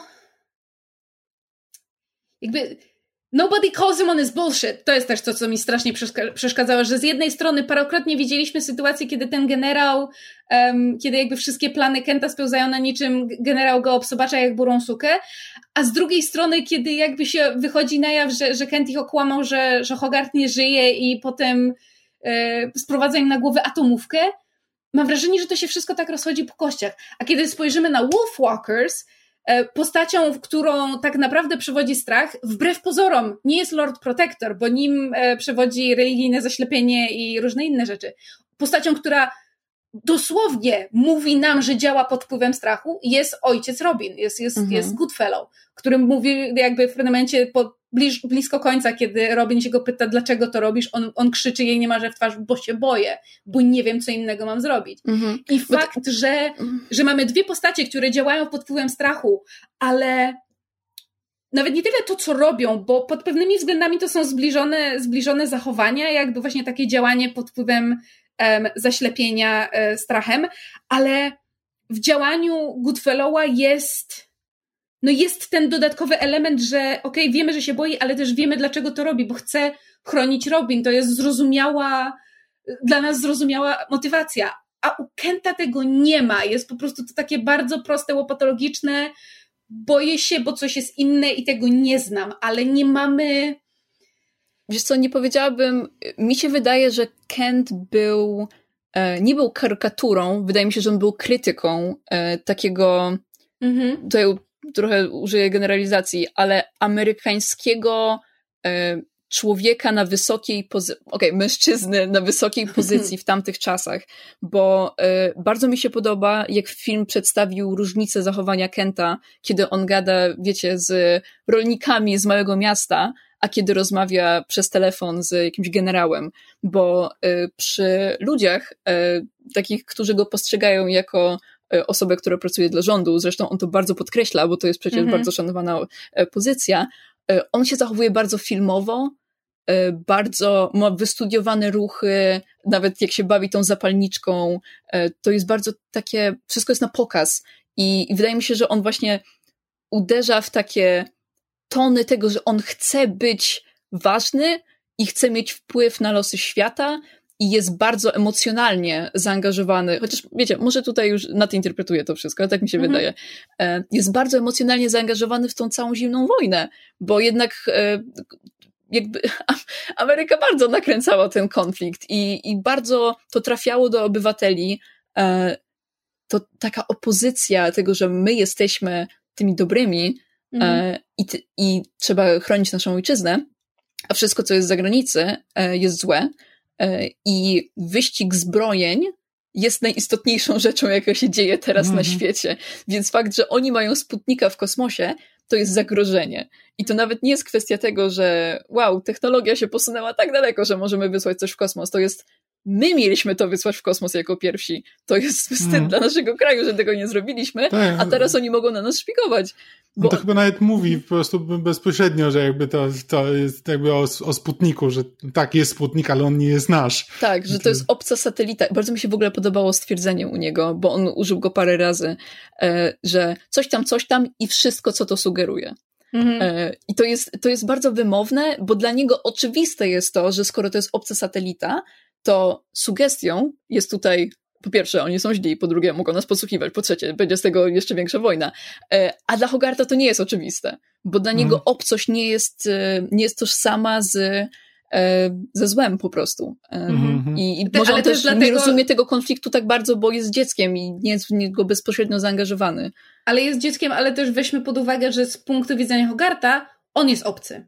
On jest to przez też. swoich mm-hmm. rówieśników traktowany jako właśnie ten outsider, więc nic dziwnego, że dla Hogarta bycie obcym czy w jakiś sposób ostracyzowanym nie jest, nie świadczy o tym, że ty osobiście jesteś zły, tylko jakby czasami ludzie cię po prostu nie, nie rozumieją. E, mhm. Natomiast zgadzam się z tobą absolutnie, bardzo cieszę się, że to, że to zaznaczyłaś, że, że Kent jest bardziej e, krytyką niż karykaturą, chociaż mam wrażenie, że zwłaszcza w scenach z Hogartem, tych takich bardziej powiedzmy obyczajowych scenach, mhm. też z jego, z jego mamą, tam mi ta jego właśnie taka, taka ekspresyjność i karykaturalność jakoś mm -hmm, tak strasznie mm -hmm. przeszkadzała, bo mam wrażenie, że że właśnie przesuwa trochę za bardzo tę te, te krytykę w parodię mm -hmm, tak, i tak, sprawia, tak. że cały ten właśnie message tej, tej, tej krytyki, ten jej ciężar zaczyna się trochę rozmywać. I może dlatego mi ta taka karykaturalność mm -hmm. przeszkadzała. Co, coś w tym jest rzeczywiście, muszę mm -hmm. przyznać. E, wiem, że już chcemy przechodzić do Wolfwalkers, ale chciałam jeszcze powiedzieć o paru scenach, które mi się bardzo podobały. Dawaj, dawaj, e, dawaj mega mnie rozśmieszyła scena, jak, e, jak stalowy gigant jadł samochód i nagle odpalił się klakson w tym samochodzie, więc próbował na nim tak, na początku próbował na nim usiąść, zrobił przepraszającą minę. W ogóle to jest ciekawe, bo on ma bardzo niewiele elementów na twarzy, które mogą się ruszać, a jego ekspresje są tak ludzkie i takie wymowne, więc zrobił tą przepraszającą minę, wyciągnął ten samochód z pod tyłka i rzucił nim po prostu najdalej jak tylko może. To było, to było prześmieszne. Tutaj muszę znowu nawiązać do Dina, bo e, Dean nazwałabym go milenialsem, ale to w ogóle nie jest, to nie są te czasy. Ale nie, nie, prostu, on jest, on jest bitnikiem. Tak, po prostu jak, e, jak siedzą sobie i patrzą na tego, na tego salowego giganta jak je i mu się po prostu ta ręka trzęsie, tą, którą trzyma w filiżankę i, i już to się trochę uspokaja, po czym Hogarth mówi mu, że no, że ten stalowy gigant potrzebuje jakby domu nad głową i jedzenia. Po czym Dean wylewa tą kawę, wstaje, idzie do domu i jakby y, ma takie fuck this, koniec, koniec w ogóle tego wszystkiego, ale Hogarth go prosi, więc Dean stwierdza, jestem tak zmęczony, że już mi obojętnie i po prostu się kładzie po prostu twarzą na, na kanapę. To było, to było wspaniałe. E, plus e, ten jego jakby to już jest mem at this point, po prostu gify z tym, jak on podnosi te ręce do nieba i mówi art, to, to jest już znane na całym świecie. Bardzo, bardzo fajna scena. I też podoba mi się to, że że on go, e, on nauczył stalowego giganta e, kreatywności i że mhm. wykorzystał go właśnie do, do realizowania swojej jakby artystycznej wizji. To też mi się podobało. A jeszcze, bo tutaj mam jakby listę rzeczy, które mi się podobały. Mhm. Ale na przykład ta scena z tą kawą, po prostu jak on go pyta, czy chcesz kawę albo w sumie mleko, bo to jedyna rzecz, jaką mam tutaj. I, i Hogarth mówi, że jasne, spoko, jestem, jestem hip, jestem, ja mogę kawę, mm. ja cały czas piję kawę, po czym, po czym po prostu nosi nim um, um, po tym wszystkim. To było prześmieszne. Um, tutaj przejdę zupełnie w drugą stronę. Wątek atomowy mrozi mi krew w żyłach. Jakby ja, to, to jest coś, co e, jakby ja się tego boję. Ja nie lubię w ogóle filmów, gdzie są jakieś motywy bomby atomowej, bo to jest po prostu ostateczna nie oglądaj, zagłada. Nie oglądaj serialowego Czernobyla, bo ja po prostu, ja ten serial ostro odchorowałam. Słuchaj, właśnie ja widziałam recenzję tego, że, są, że to jest świetny serial, ale ja nie jestem w stanie tego obejrzeć. Mnie, Jeżeli mnie to dobrze kojarzę, przeraża. pierwszy i trzeci chyba odcinek, to po prostu dawno mnie tak nic psychicznie nie wyżyło. Ja się, ja się czułam fizycznie chora. Ojej, mhm. no to ja bym tego nie mogła. E, I jakby w tym, e, w Stalowym Gigancie to było dość delikatne, bo na mm. początku była ta sugestia, jak oglądali ten film o tym, że o, jak będzie bomba atomowa, to po prostu skryj się pod stół i wszystko będzie dobrze. E, to jakby, wiecie co, podobało mi się w tym filmie, że atmosfera i estetyka tej, tych czasów zimnej wojny nie była tak bardzo przeestetyzowana, bo wydaje mi się, że dużo filmów, e, no i trochę gier, bo myślę o Falloutie troszeczkę e, i, i, i, tam, ale no ja myślę, że oni tam robią to specjalnie, że, że ta estetyka jest tak podkręcona do 200%, e, ale tutaj w Strowym Gigancie nie było takiego natłoku tego wszystkiego, wydaje mi się, że to było subtelne i że to grało w dobry sposób, Chociaż dopiero pod koniec filmu rzeczywiście czuło się to, to zagrożenie tej bomby atomowej i może też nie do końca ludzie e, tak bardzo rozumieli to zagrożenie, w sensie e, jak, jak widzieli, że ta atomówka nadlatuje, no to większość z nich była taka, no, że to jest nasz koniec i czas się z tym, czas się z tym pogodzić. E, ale wreszcie filmu nie czułam tak bardzo tego, żeby to, żeby to zbrojenie e, i ten właśnie wyścig był tak obecny, bo wydaje mi się, że Kent właśnie reprezentował tą świadomość e, tego, co się dzieje na świecie e, mhm. i jak to się może rozwinąć, a ludzie w tym, w tym mieście nie za bardzo, ale to też może być kwestia tego, że to było jakby małe miasto nie za bardzo zaangażowane w cokolwiek, co się działo na świecie, więc może dlatego tak to nie wybrzmiało, ale nie uważam, żeby to było coś złego. E, ostatnie, to, co chcę powiedzieć, e, to to, że mi e, relacja Ani, czyli mamy Hogarta i Dina w ogóle nie przeszkadzała. Ja się bardzo cieszyłam, że oni na końcu byli razem. E, I też jakby fajnie, że nie polecieli w stu procentach z tym, nie tak, że po prostu scena ich ślubu czy coś w tym stylu, mm. tylko to było, że po prostu patrzą na, na rzeźbę, na pomnik stalowego giganta, który wykonał Dean i ta, ta mama się do niego zwraca no, per honey, czyli nie wiem nawet jak to miotku na polski przetłumaczenie, nie no słońce na takiej zasadzie albo kochanie. I to było, to było takie subtelne i takie nie super in your face, e, więc mm -hmm. mi się mhm. to podobało, plus lubiłam Dina, więc chcę dla niego wszystkiego dobrego w życiu. E, e, I to jest chyba w sumie wszystko, co mam, co mam do powiedzenia. Ja, mam jeszcze zapisane, że podobały mi się ekspresje twarzy, ale po tym, co powiedziała, jestem, znaczy po tym, do, do czego doszliśmy w trakcie, czyli że może rzeczywiście różnorodność tych twarzy może troszeczkę źle współgrała z tym, że jednak ten film dążył w stronę realizmu w jakiś sposób nie był mm. tak przystylizowany. Jak, jakby, wydaje mi się, że jakby otoczenia yy, i, i ten tak jakby sceneria tego wszystkiego, ona w żaden sposób nie była stylizowana. Więc jedyną, jedynym aspektem, który się wyrywał z, z takiego realizmu właśnie były, były kształty postaci. I to głównie mm. ich twarzy, bo jakby ich ciała, wydaje mi się, że też nie były jakoś super bardzo stylizowane i, i z jakimiś zupełnie innymi proporcjami. Więc uh, ja, to chyba wszystko, co mam do powiedzenia.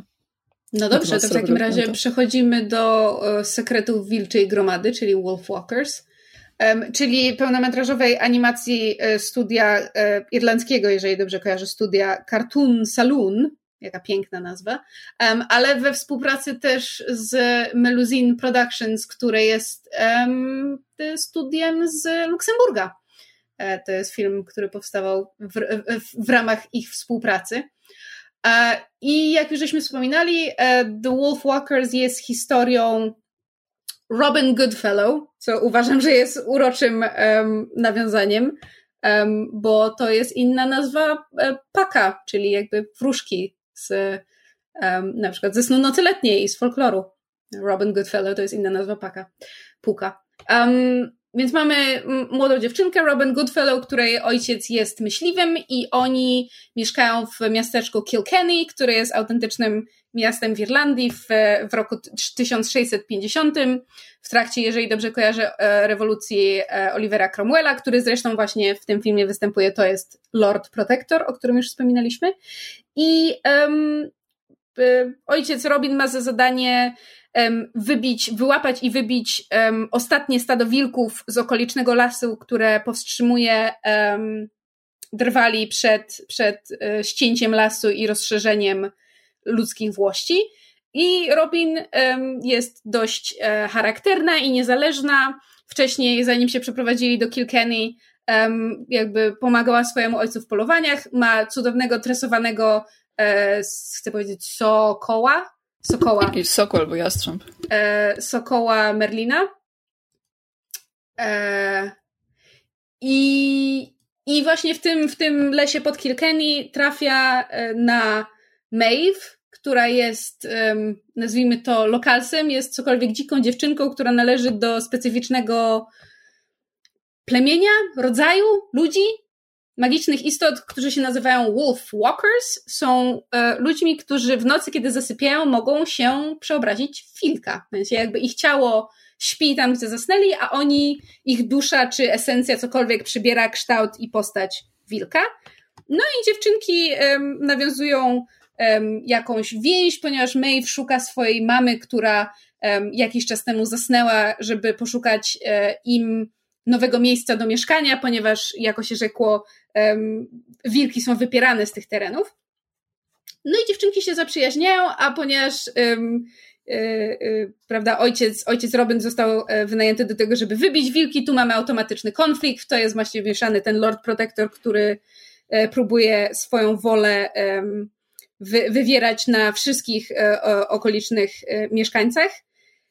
To się tak pięknie, dramatycznie wszystko zazębia i coraz bardziej narasta, aż do bardzo emocjonującego e, finałowego konfliktu, gdzie wszystkie te wątki się zazębiają i ścierają um, i się bardzo dużo rzeczy dzieje.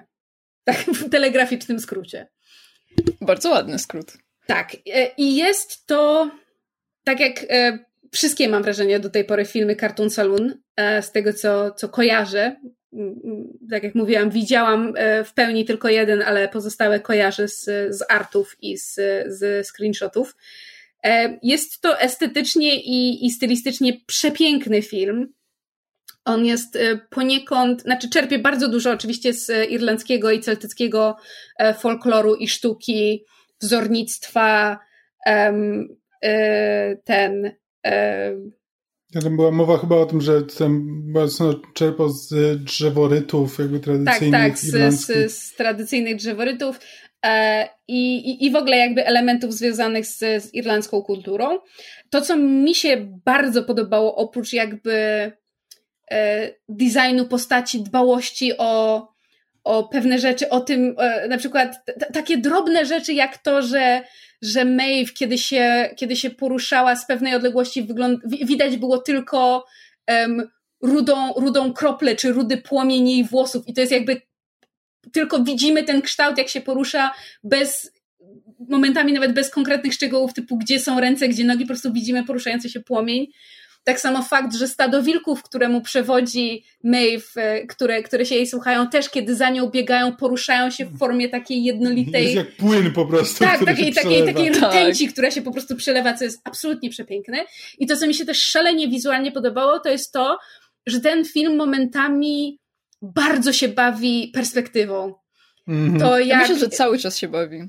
Ale są takie ujęcia, w których jest to po prostu o wiele wyraźniejsze, na przykład dowolne ujęcia, w których z daleka widzimy Kilkenny, mhm. które jest po prostu kwadratem niemalże jak, jak mapa zawieszona na ścianie, jest po prostu mhm. kwadratem jednolitych domków w rządkach, takim wiecie, tak, ułożonym. Kwadratem jakby widzianym tak jakbyśmy widzieli to z lotu ptaka, ale budynki są już widziane od boku, tak, e, a jeszcze na pierwszym planie mamy las, z którego jakby niby patrzymy, więc to wszystko kompletnie nie ma sensu jakby z punktu widzenia perspektywy, ale -hmm. dokładnie wiadomo o co chodzi, jakby dokładnie wiadomo jaka jest... jest relacja między tymi rzeczami. I to, mhm. to, jest, to jest taki rodzaj jakby niewymuszonej perspektywy, ale zaburzonej perspektywy. I zresztą wielokrotnie się w filmie pojawia, jak są na przykład przejścia, są, są trzy takie paski akcji, na których Aha, się tak, dzieje tak, tak. i one się potrafią przenikać albo nachodzić, jakby ludzie z jednego przechodzą do drugiego.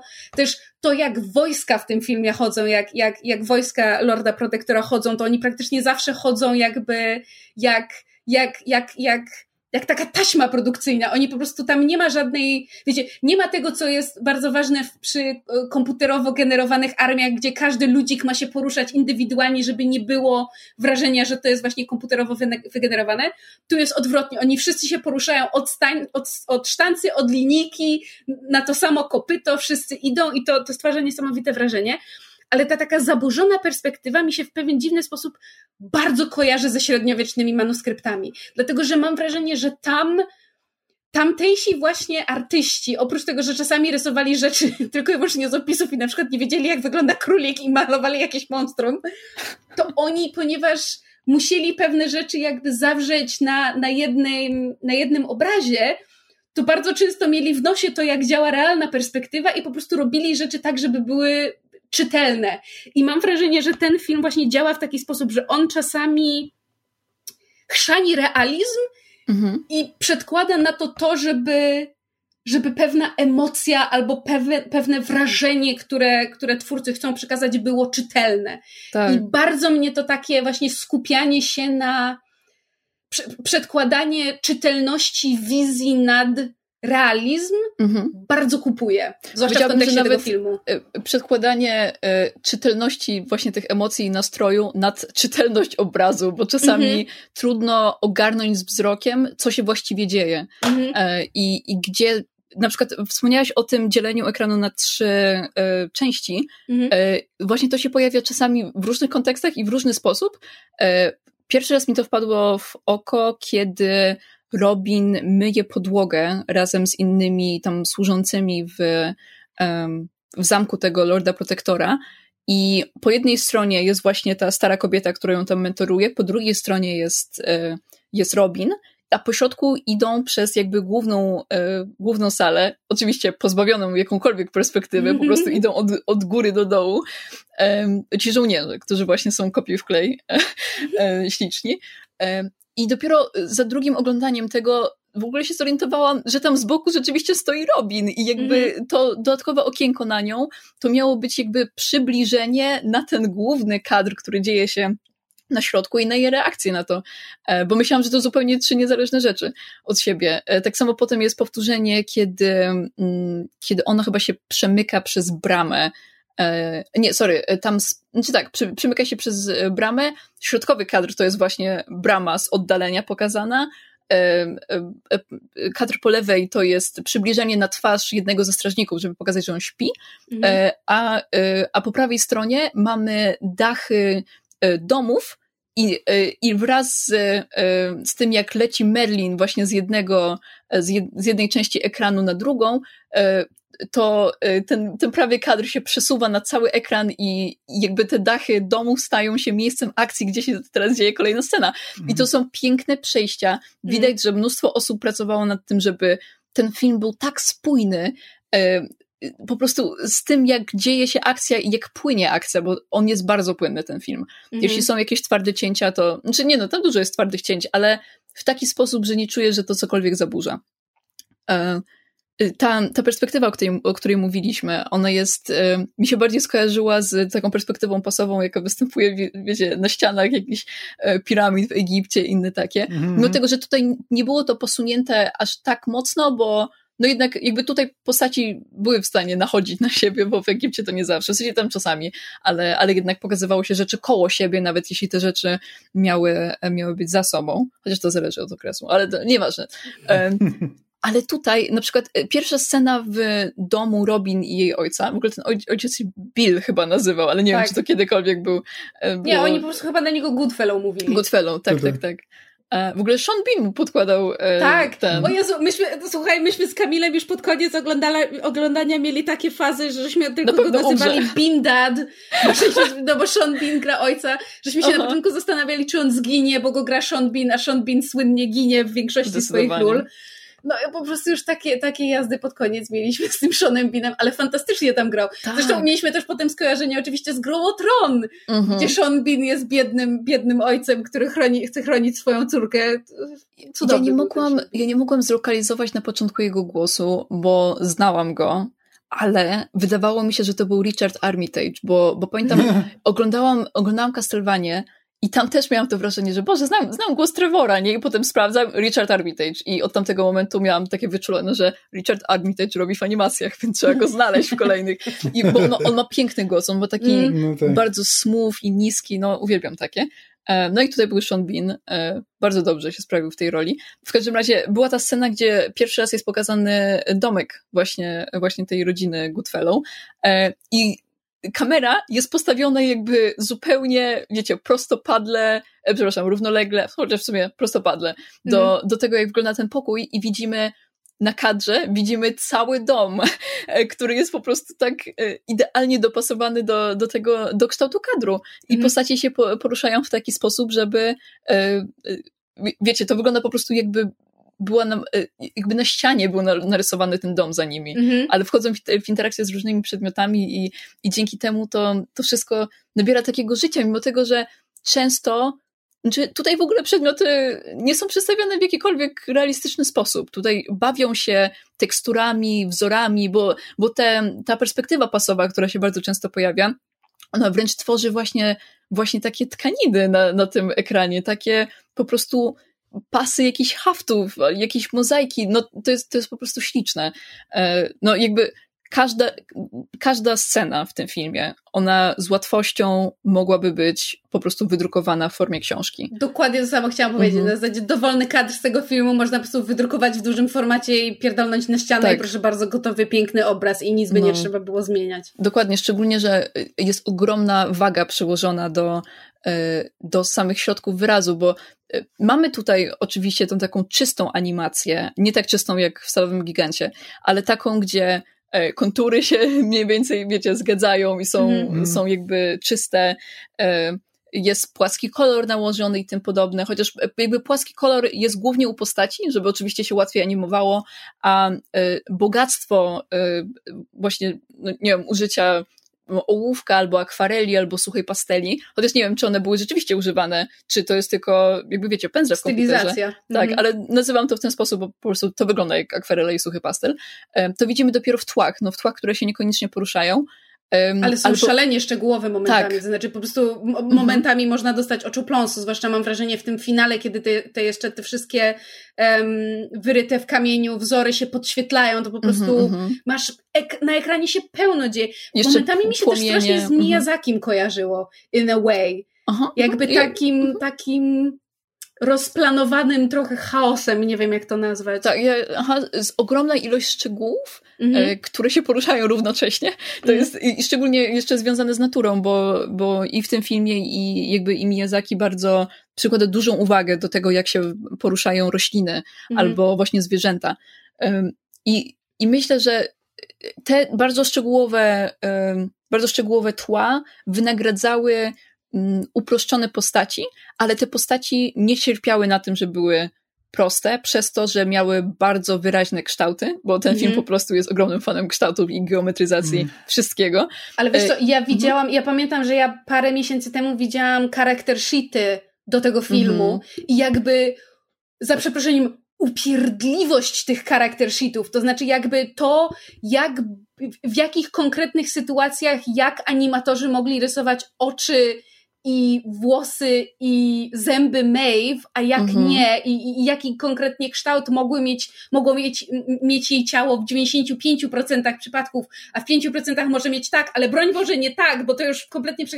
ja tak czytałam to i ja wiem, że charakter sheety potrafią być bardzo szczegółowe, bo właśnie ta spójność wizji jest ważna w momencie, kiedy x osób ci pracuje przy jednym filmie, już nie wspomnę o jednej postaci, Mhm. ale jak na to patrzyłam, to miałam takie wow, ale oni mają konkretną wizję Tak. właśnie jakby i, i, i, i jakie, jak bardzo dużą wagę przypisują do, do tego, jakie to są kształty, jakim emocjom towarzyszą i dlaczego to jest czytelne. I Mhm. bardzo, bardzo mi się to podobało i to w filmie widać, jakby oprócz tego, że te postacie fantastycznie grają em, głosem, bo jakby aktorstwo głosowe e, w tym filmie Mhm. jest fenomenalne i, i słychać po prostu, czuć te emocje przez, przez ekran, przez głośniki, ale właśnie też to, jak te w gruncie rzeczy proste geometryczne kształty są te emocje w stanie przekazać, Mhm. jest dla mnie Jest em, niesamowicie ekspresyjne.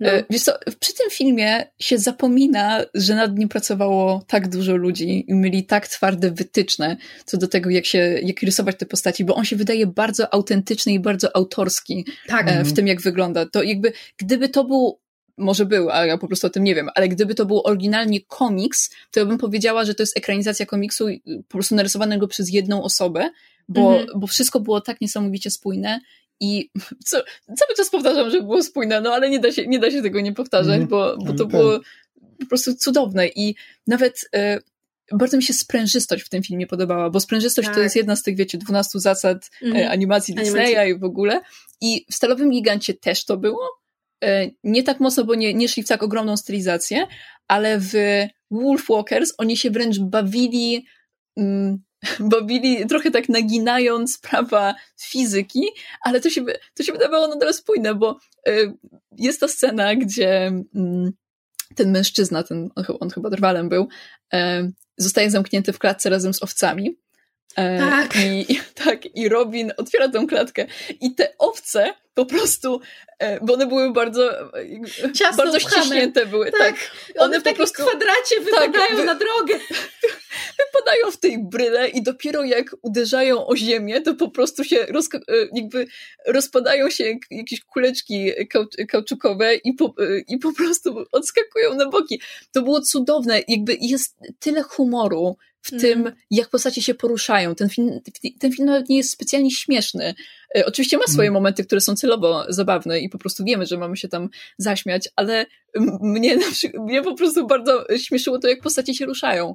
A z drugiej strony ten styl, mimo swojej komiksowości i, i kreskówkowości i takiego em, dziecinności, ale nie w negatywnym tego słowa znaczeniu, takiej bardziej bajkowości, Mhm. e, po prostu jak, jak ilustracje z książek dla dzieci, e, potrafił wzbudzić ogromne emocje i trzymać jakby osoby w napięciu e, i czuć, wiecie, no ja, ja wielokrotnie czułam jakby ciarki podczas tego filmu i to takie ciarki, czasami takie, że Boże, to jest takie piękne, że mam ciarki, a czasami Mm. po prostu ogromne niebezpieczeństwo się tutaj dzieje i boję się, co się stanie z postaciami, bo wydaje mi się, że ktoś zaraz umrze.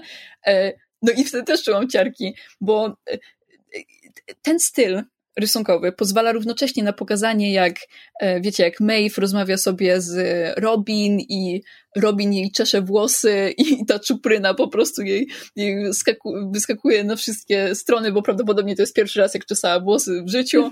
E, I to jest, to jest prześmieszne i to jest urocze.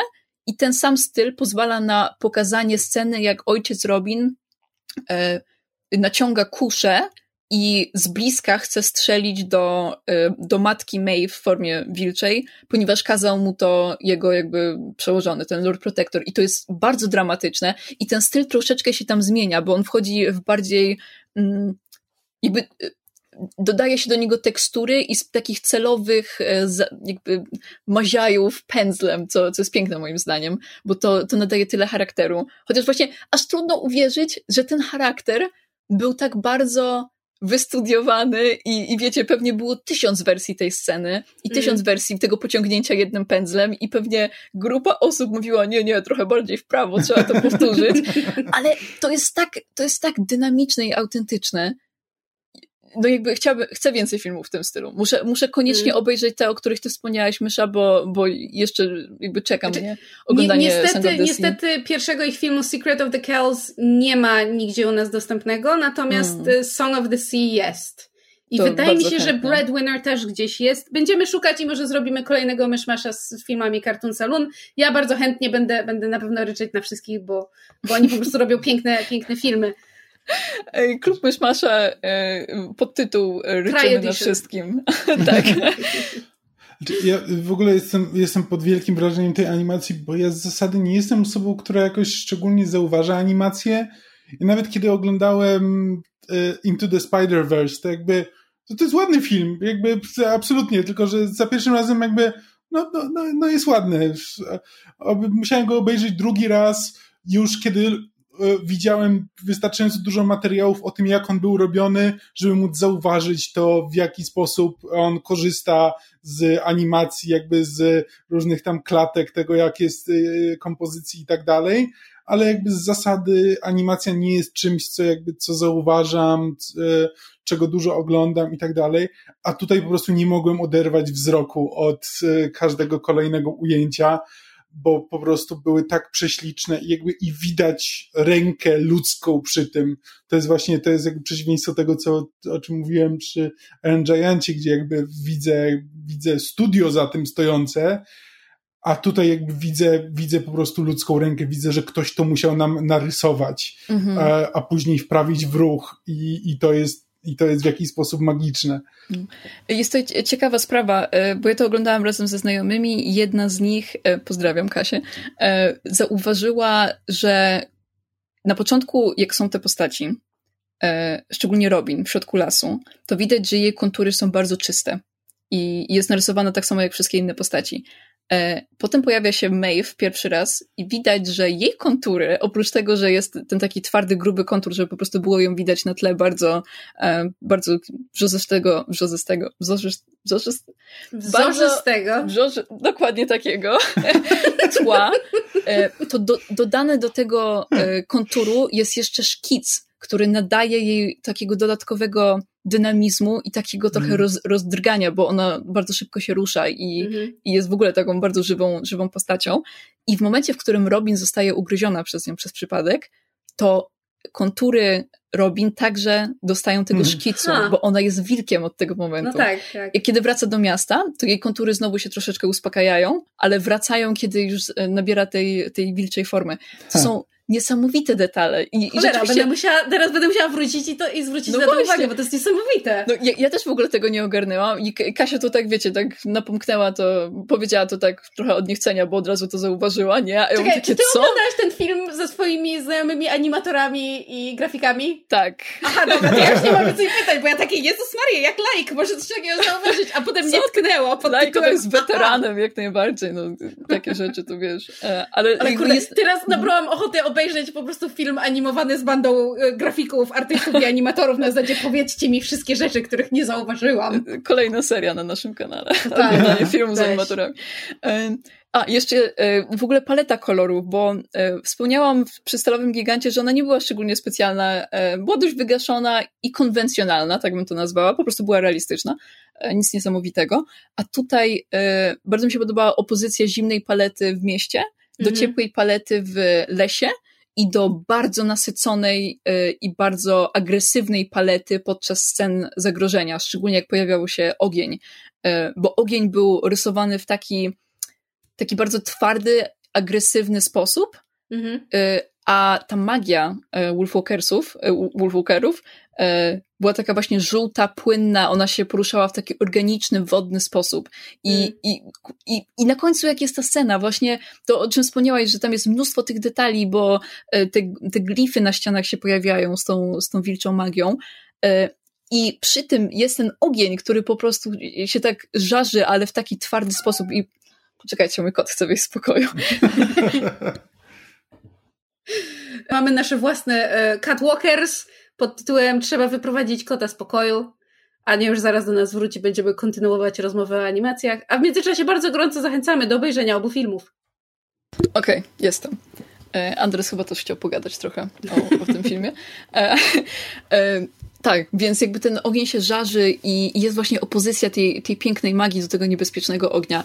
Niesamowite to było, naprawdę. E, chyba, chyba w życiu się tak dobrze nie bawiłam na oglądaniu filmów, ale, filmu, ale nie pod względem e, fabuły, która jest taka, no taka, taka zabawna i żywa i taka akcja i przygoda i w ogóle, tylko bawiąc się po prostu w taki in, in, inspirujący sposób, nie, nie wiem jak to powiedzieć, że po prostu oglądam ten film i po nim mam takie uczucie, że kocham sztukę, Kocham no. rysować, chcę mi się teraz rysować.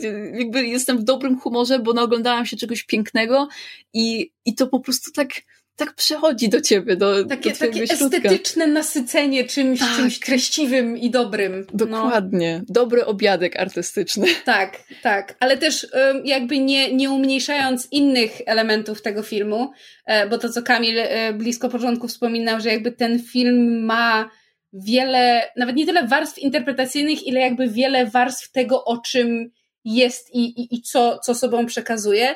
No, dla mnie ta, ta piękna warstwa emocjonalna, jakby tej, tej w gruncie rzeczy dwójki rodziców, które każdy na swój sposób chce, chce chronić swoje dziecko, ale robi to trochę bez, trochę bez, jakby bez konsultacji z tym dzieckiem, bez brania pod uwagę jego, jego pragnień czy możliwości, bardzo do mnie przemawiał. Znaczy, powiem szczerze, że było kilka takich momentów, miałam wrażenie, że trochę o jedno czy dwie było za dużo rozmów Robin z jej tatą, z Billem, w tym sensie, że one były bardzo na jedno kopyto. Tak, ja tak, miałam tak. nadzieję, że tam będzie trochę więcej jakby... Różnorodności. Tak, jakiegoś takiego rozwoju, czy to jakby, czy, czy, czy Robin będzie próbowała do niego zagadać w inny sposób, jego jakoś przekonać, czy, czy w Billu będzie narastała ta frustracja, bo jakby znaczy, to mi się bardzo podobało, że z jednej strony mamy pokazanego Billa e, Goodfellowa jako tego właśnie ojca, który nie słucha i nie rozumie swojej córki, ale z drugiej strony chce dla niej jak najlepiej i wiemy, że to, co on robi, jest dla jej dobra, mimo że jest jakby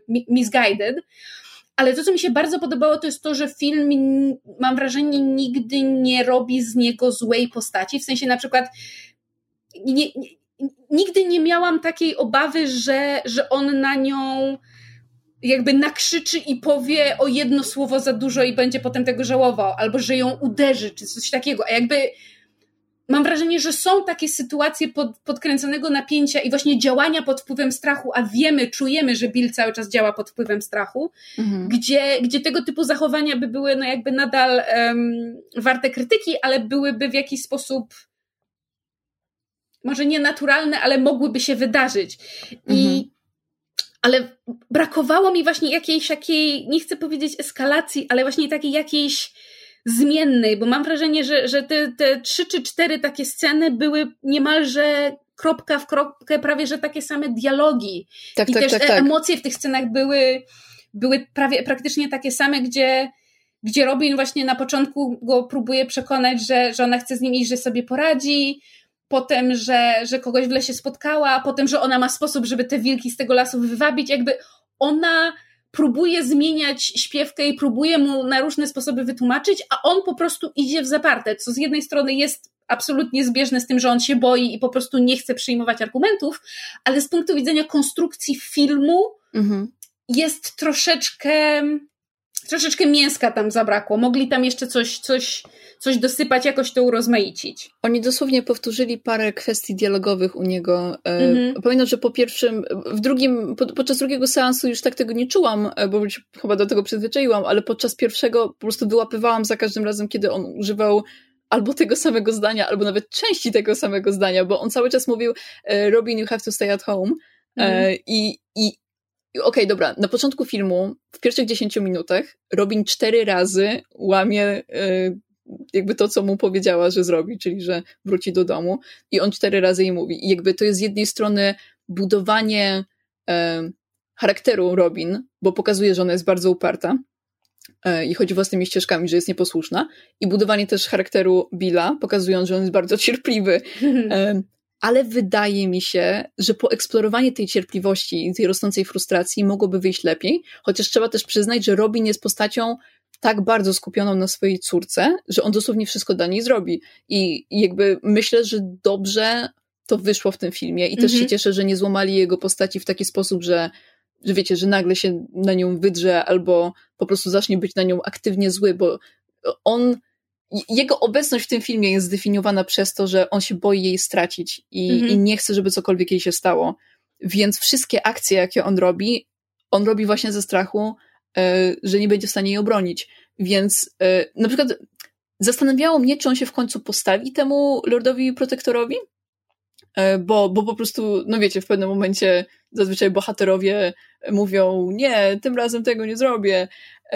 I no jakby on to robi, tylko już na samym końcu, kiedy po prostu czas, y, czas Lorda Protektora przyszedł i trzeba go zabić, ale on robił wszystko, żeby nie narazić swojej córki na jego gniew, bo mhm. wydaje mi się, że czasami w filmie już była ta granica, która jakby ten moment w filmie mi mówił, ok, Lord Protector go jakby skaże go teraz na śmierć, bo to jest mhm. po prostu ogromna rzecz i nie, nie powinno to się wydarzyć i po prostu go zabije w tym momencie.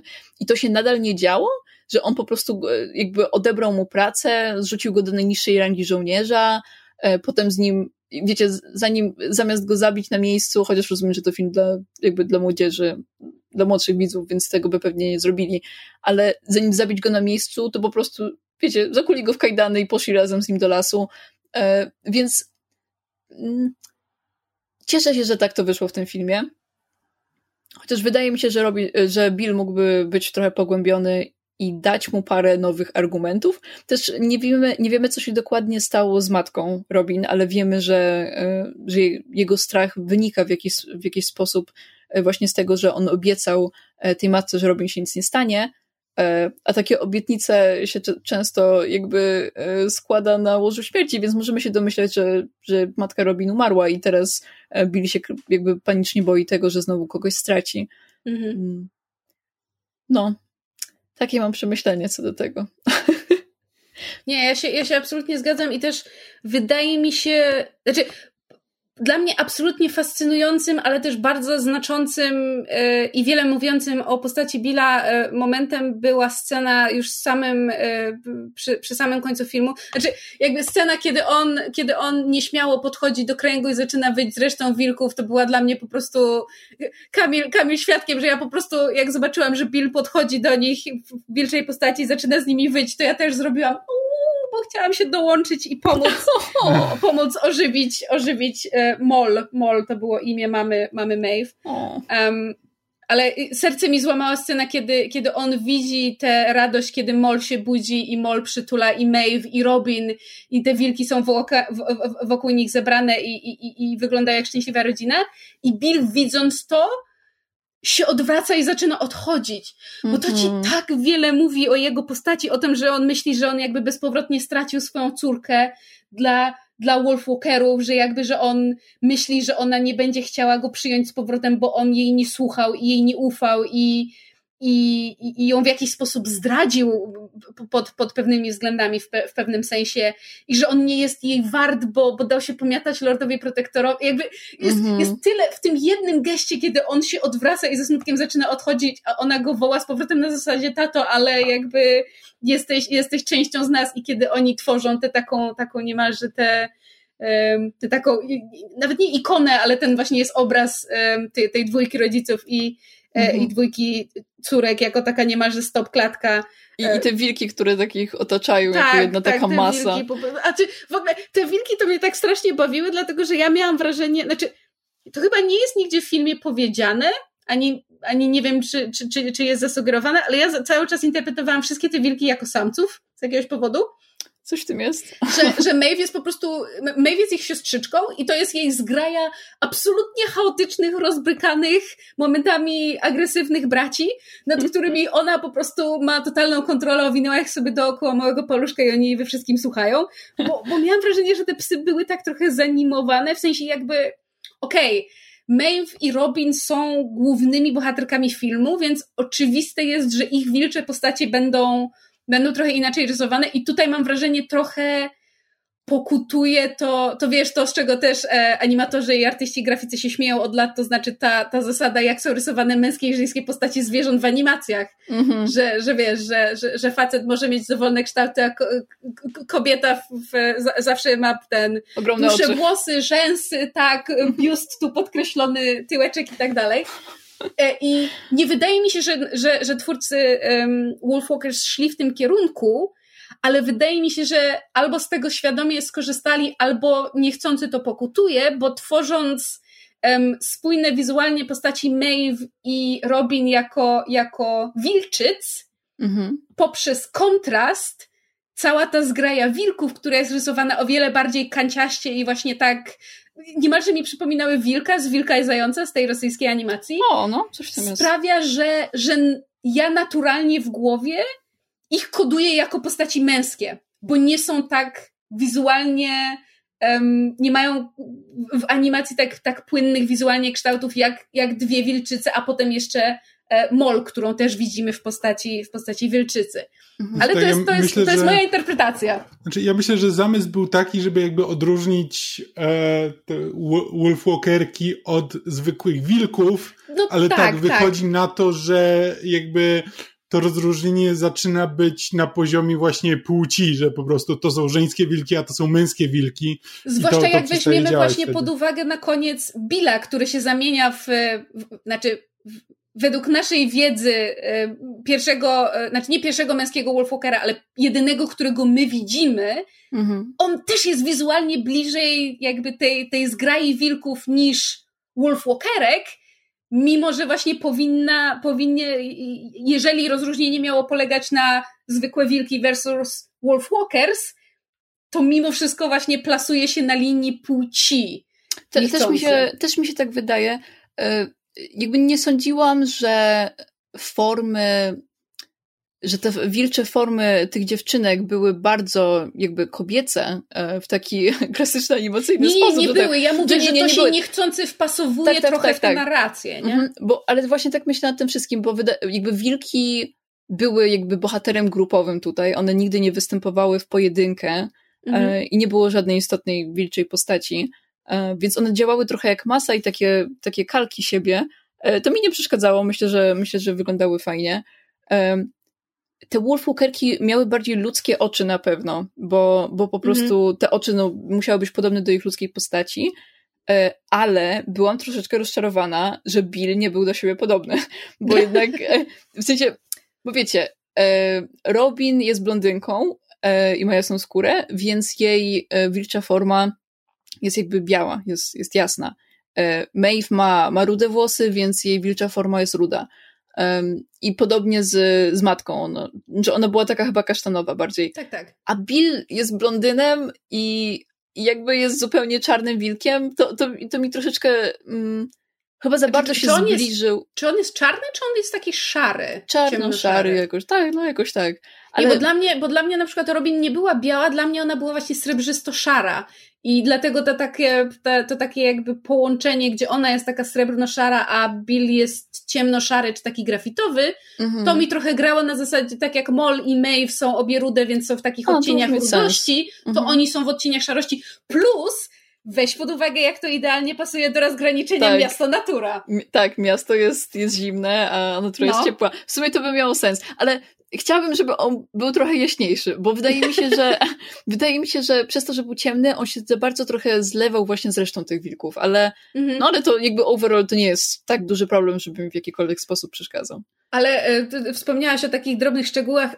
Mi to, co się strasznie podobało, to jest to, że w ludzkiej postaci Um, znaczy, głównie widzimy Maeve, pod koniec widzimy też, też Mol, kiedy ona się budzi, ale to, że w ludzkiej postaci Maeve i Mol mają, mają jakby ich brwi i ich nos stanowią mhm. jakby jedną linię i, i naśladują trochę kształt pyska aha, wilka aha. i mają takie właśnie oczy z takimi bardzo intensywnie i ostro zarysowanymi um, to, to, są niby rzęsy, ale to mhm. wygląda też trochę jak, jak niemalże tatuaż albo makijaż i nadaje im właśnie takiego lekko One też mają jakieś takie kropki. wyglądu. Tak, mają no. kropki tatuażu, ale mhm. chodzi mi konkretnie o jakby o, o mhm. kontur oka z, z rzęsami. Wiesz co, jest ja nawet, bardzo taki gruby. Ja nawet nie zarejestrowałam, że Maeve ma brwi, bo jeśli ma to, to jest jakby ta sama linia, co mhm. jej oczy, ale kiedy ona na przykład marszczy brwi, bo robi jakby groźną minę, to jakby na jej twarzy się pojawiają jakby dodatkowe takie, wiecie, po prostu szraf mm -hmm. rysunkiem,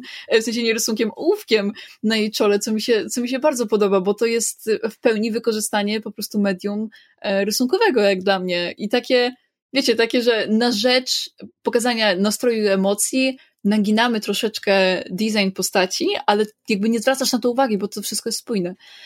Ale jeszcze co do tych wilków, podobało mi się to, że kiedy, kiedy one się pojawiały w kontekście ludzi z miasta, czyli tej cywilizacji i tej e, opozycji do natury, to one właśnie były takie niebezpieczne i były przez wszystkich odbierane jako bestie, ale w momencie, jak po prostu Maeve i Robin z nimi wchodziły w interakcję, to mi się, one się zachowały jak zupełnie psy. Tak, po prostu e, biegną z wyciągniętymi jęzorami, śpią po prostu, wiecie, w dziwnych pozycjach, e, rzucone po prostu na stertę na siebie. No, cudowne to było. w ogóle, wiecie, dramatyczna scena, w której e, Maeve i Robin e, widzą ojca e, Robin i się ukrywają w tym żywopłocie, tak jakby, i po prostu, wiecie, dramatyczna scena, a te wilki się po prostu tam wbijają na nie, więc Robin musi je złapać za pysk, nie? Więc jakby prześmieszne to było, to było, to było piękne. Mm. I w ogóle trzeba wspomnieć o muzyce, bo piękna była muzyka w tym filmie. Tak, to, to, to prawda. I tam, Zarówno i pod względem mm, jakby muzyki, jak i, jak i piosenek, które się tam pojawiały. Tak, ojeju. I jeszcze fakt, że ta piosenka, bo tam jest e, refren, to jest I'm running with the wolves tonight. A, running with the wolves, tak, to jest, tak. to jest tak. piosenka Aurory. Ja ją znałam przed filmem, a ona nagrała jakby remake czy remix na, remix na potrzeby tego filmu i jest jeszcze piękniejszy tak. i jeszcze z tymi wizualiami, to jest po prostu jak, jak tak. jakiś piękny, wróżkowy sen po prostu. Tak. Szczególnie, że ona w tej piosence po prostu wyje praktycznie, tak. bo wyciąga to słowo to wolves i, i z tego po prostu powstaje wycie, a to jest jeszcze właśnie z tymi wizualiami, z montażem tego, jak, jak Maeve i Robin biegają pierwszy raz razem w, wilczej formie. Mm. I, i to ja, ja w ogóle bardzo, bardzo mnie też ciekawi, jak w animacji wykorzystywane są takie właśnie sceny piosenek, jakby w sensie piosenka jako przyspieszenie czasu mm -hmm, w fabule. Mm -hmm. No choćby w Mulan, gdzie po prostu w jednej piosence jest pokazane po prostu miesiące treningu Mulan, gdzie, e, gdzie ona się po prostu, wiecie, zaczyna nie potrafiąc nic zrobić, a kończy będąc najlepszą w całej, w, w całej swojej armii, w sensie w całym swoim oddziale. Oddziale, tak. Jakby, bo to jest, to jest świetne wykorzystanie, żeby po prostu przedstawić bardzo wiele złożonych mhm. konceptów mm. za pomocą paru scen, a piosenka ma podbijać e, jakby te uczucia i, i jakby koncepty, które, które film ci e, przedstawia. No bo jednak te, ta piosenka, ona jest bardzo bezpośrednio e, pod Robin, e, w tym, że ona potrzebuje wolności, jakby ona chce mm. tego życia. Jej nie pasuje mieszkanie w, w w mieście, ona chciałaby być tą łowczynią, ale ani ona, ani jej ojciec, jakby mimo tego, że, że oni są łowcami, to oni się nie wydają być w żaden sposób brutalni. Oni są połączeni z naturą. Mhm. Więc to, że Robin na początku ma zapędy do jakby polowania na wilki konkretnie i nawet śpiewa tą piosenkę o zabijaniu wilków, to po prostu stopniowo podczas filmu się orientuje, że ona nie chce zabijać tych wilków, mm. tylko ona chce biegać razem z nimi i ona chce tą samą wolność, którą oni mają. I, i to przebywanie w lesie e, pod pretekstem właśnie łowiectwa razem ze swoim ojcem e, dawało jej tą wolność, a w momencie przeprowadzenia się do miasta e, ta wolność po prostu zniknęła i jakby ją tak samo, ją nie cieszą tak bardzo interakcje z ludźmi, jak cieszą ją po prostu interakcje z naturą i mm. myślę, że to piękne. E, dla mnie jest też e, ciekawe i myślę, że ważne to, że, bo w filmie istotne jest to, że e, no, Bill Goodfellow jest niby ty, świetnym, świetnym myśliwym, dlatego został wynajęty do jakby do wytrzebienia wilków z tego, z tego lasu, gdzie one sprawiają takie problemy, no bo jakby mamy zasugerowane, że to się dzieje od jakiegoś czasu i oni nie są w stanie się tych wilków pozbyć. I mamy powiedziane, że, że um, jakby to, że Billowi nie wychodzi, Lord Protector jest na niego systematycznie coraz bardziej wkurzony, że, że nie jest w stanie z tymi wilkami nic zrobić, to wynika po prostu z tego, że Maeve e, z nim pogrywa e, ten, sobie z nim pogrywa i leci w kulki i, i wszystkie te jego pułapki e, rozbraja i, i nie pozwala tych, tych swoich wilków upolować, bo po prostu je, je chroni i je kryje. Ale z drugiej strony to też jest bardzo sprytne rozwiązanie z punktu widzenia um, jakby fabuły i twórców, bo właśnie mamy powiedziane, że Bill jest tym świetnym myśliwym, mamy powiedziane, że Robin mu towarzyszyła i że jakby chce być, chce być łowczynią, chce być myśliwą, ale nie mamy ani razu pokazane, jak, jak zabijają zwierzę. Wręcz przeciwnie, właśnie yy, ta, ta jakby ten kontrast też tej takiej imponującej e, postury, którą ma Bill, jak on idzie z tym swoim futrzanym płaszczem i z tymi pułapkami zębatymi przewieszonymi na łańcuchach przez ramię, a tym, jaki on jest cierpliwy i ciepły w stosunku do swojej córki. To jest fenomenalny kontrast.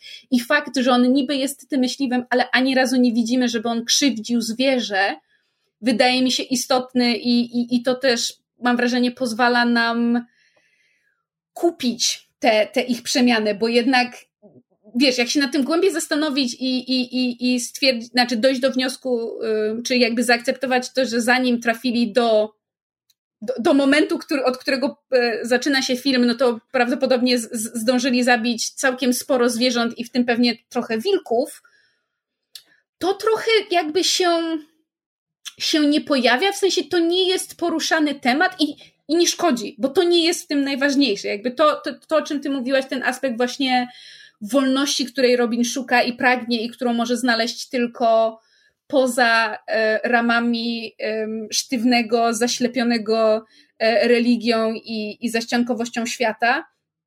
To jest, to jest clue tego filmu i, i bardzo mnie bawiły skojarzenia, które miałam właśnie między tym filmem a Brave, ze względu właśnie na, na wątki jakby przede wszystkim matek i córek, ale ogólnie dzieci z rodzicami, wątek przemiany w zwierzęta i, i jak to potrafi zmienić spojrzenie na, na nasze życie. Ale też miałam bardzo śmieszne skojarzenie z musicalem Into the Woods. Bo w musicalu Into the Woods, jakby ten musical jest o wielu rzeczach, ale tam jest taki istotny, jakby myśl, która się przez niego przewija i prze, przetacza i powtarza, to jest um, be careful of the things you, you say, children will listen.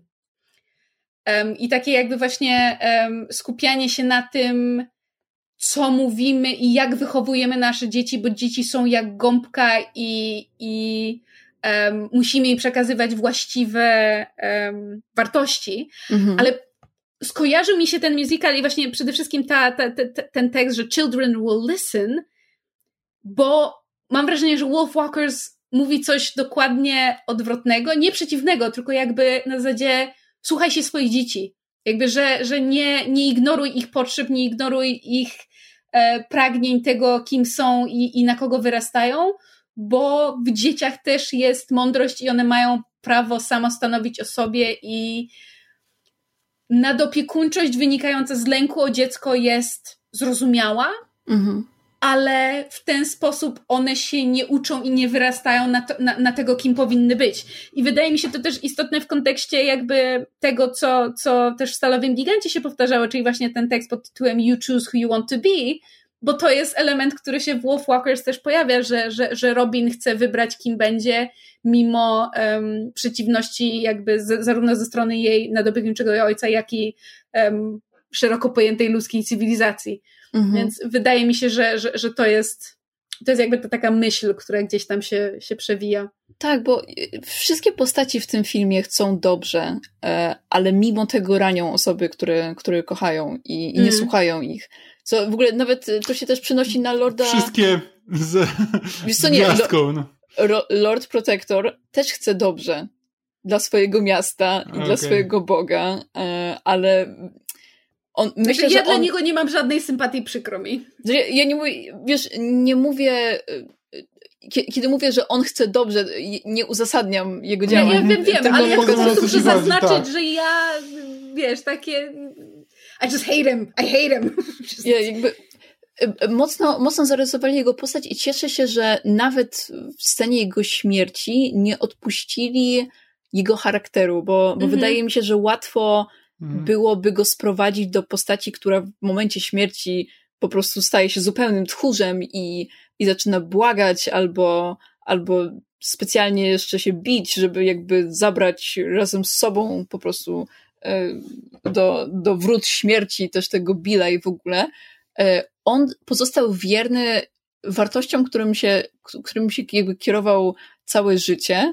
E, w zły sposób, no bo mm. jednak zadał, zadał wiele jakby cierpienia, ale przynajmniej pozostał temu wierny i, i to też jest spójne.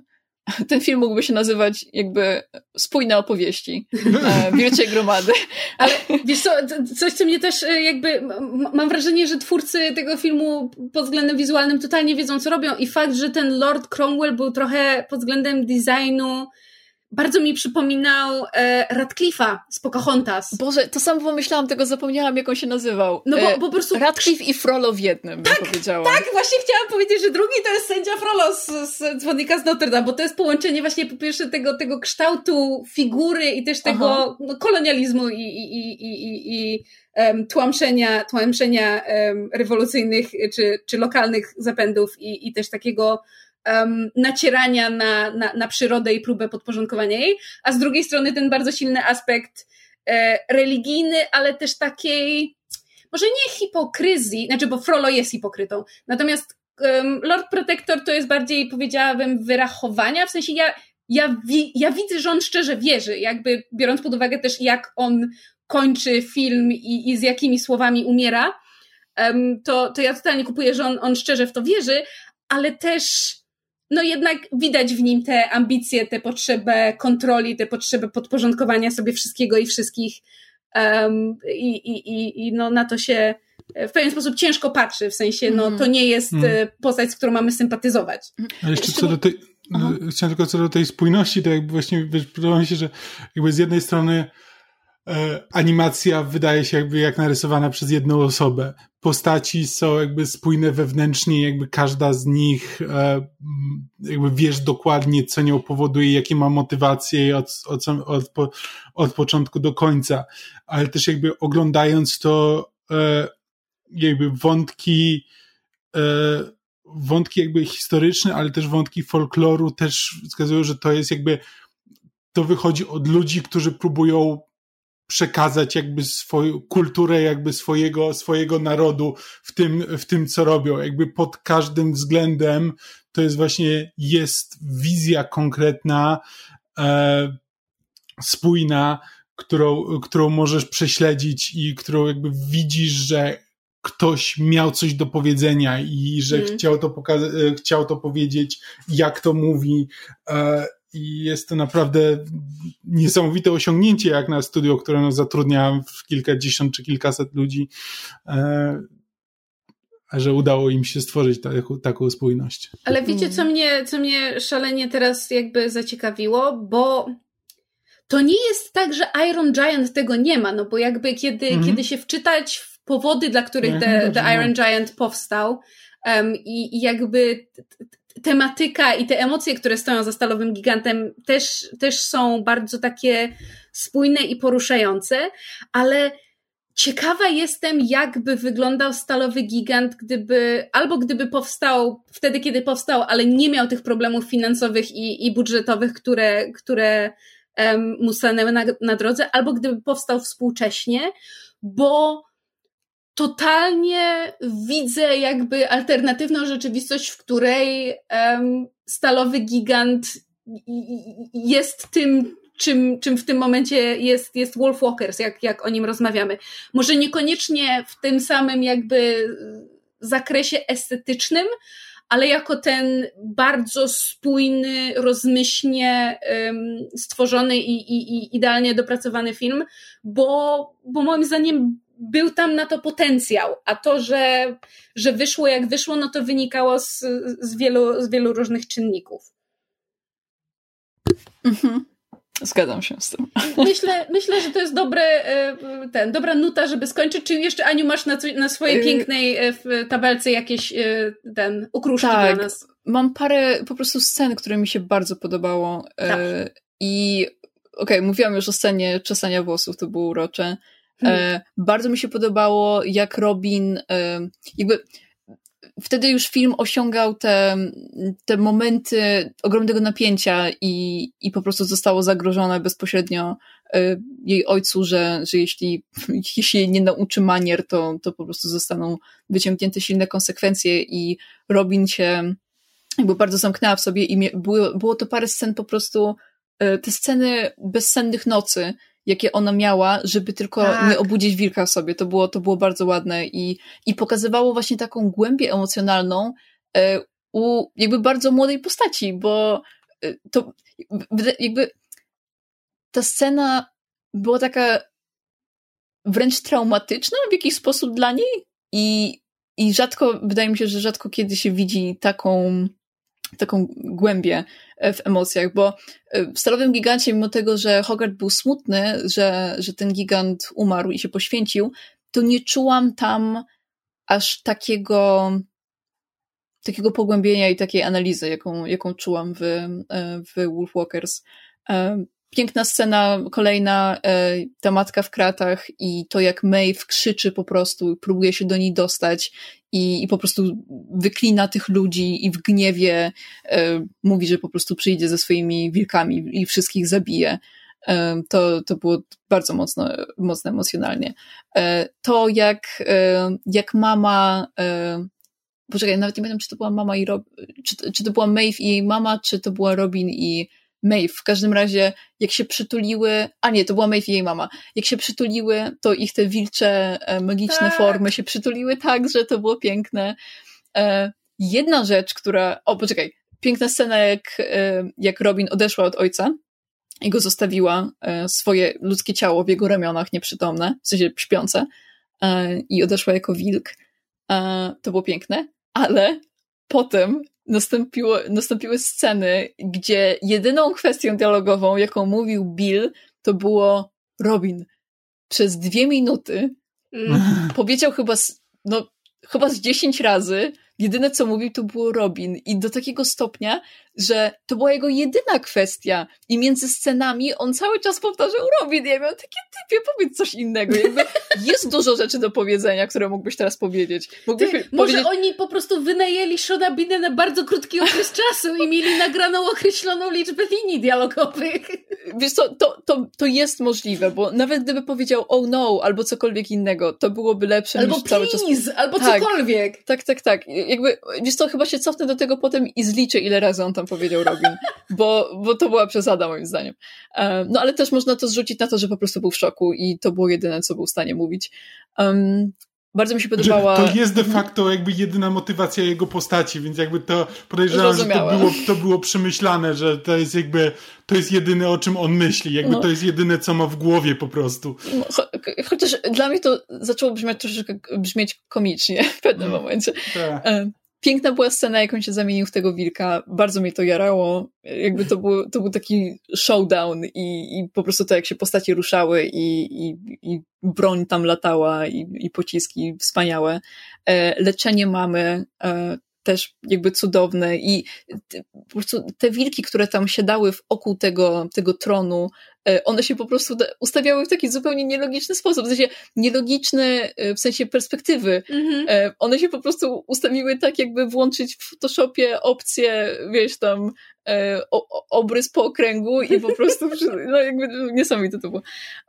Końcówka była bardzo ładna, chociaż ona wydaje mi się troszeczkę gorzka, bo przynajmniej dla mnie, bo myślałam o implikacjach tego, że oni, że tak, że oni znaleźli miejsce dla siebie e, w lesie, e, ale no jakby cywilizacja nadal się rozwija. Więc e, Plus jakby kwest- oni podróżują, czasu. oni nie znaleźli stałego miejsca w lesie, oni mhm. po prostu znaleźli siebie i są ze sobą szczęśliwi, ale nadal muszą w pewnym sensie uciekać. Mhm. Tak, tak, tak. Więc to było trochę smutne. Ale oprócz tego to podobało mi się. Mam jeszcze taką, taką jedną myśl. W trakcie no. jak mówi, mówiłaś o tym, że, że jakby stalowy gigant jest poruszający szczególnie dla mężczyzn. I tak sobie pomyślałam, że stalowy gigant jest chłopacki, ale Wolfwalkers nie jest dziewczyńskie. Wiesz o co mi chodzi? Mhm, wiem. Że, y, y, wydaje mi się, że Wolfwalkers jest o, bar- o, wiele bardziej uniwersalne, mimo tego, że dwoma, nawet trzema głównymi postaciami tutaj są kobiety, mhm. ale to nie jest naznaczone damską estetyką, ani dam, damskim sposobem przedstawiania postaci, ani fabuły. Mhm. Nie, może czekaj, może nie damskim sposobem, tylko damskimi stereotypami znaczy, fabularnymi, nie wiem jak znaczy, to powiedzieć. Mimo, że bohaterkami są głównie kobiety czy, czy dziewczęta i jakby bycie kobietą jest jednym z elementów rolę. filmu, mhm, tak, tak, no bo jakby e, kwestia roli, jaką odgrywa Robin w, w, mieście, w społeczeństwie, w tym kontekście jest podkreślane, że, że ponieważ jest kobietą e, i, i, i małą dziewczynką, to, to, to pewne rzeczy, pewnych rzeczy się od niej oczekuje, ale to nie jest to nie jest to, o czym jest ten film. To nie jest o mhm. opresji kobiet, to nie jest o patriarchacie, to jest o, o o czym innym. Ten środek ciężkości jest zupełnie gdzie indziej, więc to, że bohaterkami są głównie kobiety, jest w dużej mierze incydentalne. Tak samo nie mamy, nie mamy właściwie chyba powiedziane, że tylko kobiety mogą być e, wolfwalkerkami, więc to nie jest kwestia dominacji jednej płci nad drugą. Mhm. Nie mamy też powiedziane, że na przykład, nie wiem, tylko kobiety wolfwalkerki mogą leczyć, albo że to jest w jakiś sposób, nie wiem, mistyczna kobiecość. Jakby to, mhm. że one są kobietami jest incydentalne i tak naprawdę obok wszystkiego. I wydaje mhm. mi się, że to jest też um, ten, ten, część tego, o czym mówisz, że to nie jest tylko i wyłącznie kwestia tych wizualnych um, wrażeń, ale też tego podejścia do, do opowiadania historii. Mhm.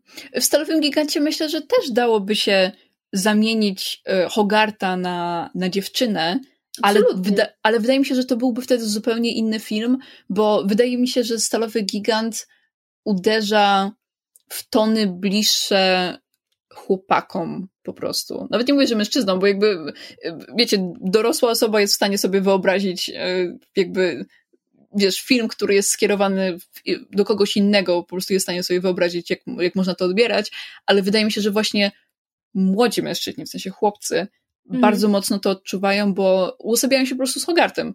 I, i Hogart jest, wiesz, lubi się go od początku filmu, bo po prostu, no, chłopak, który przynosi wiewiórkę w pudełku, no przecież to jest taka klasyka, to, to jest piękne w jakiś sposób. E, ale ja, myślę, myślę, że znaczy wiesz co, Stalowy gigant jeszcze, jest chłopacki, tak.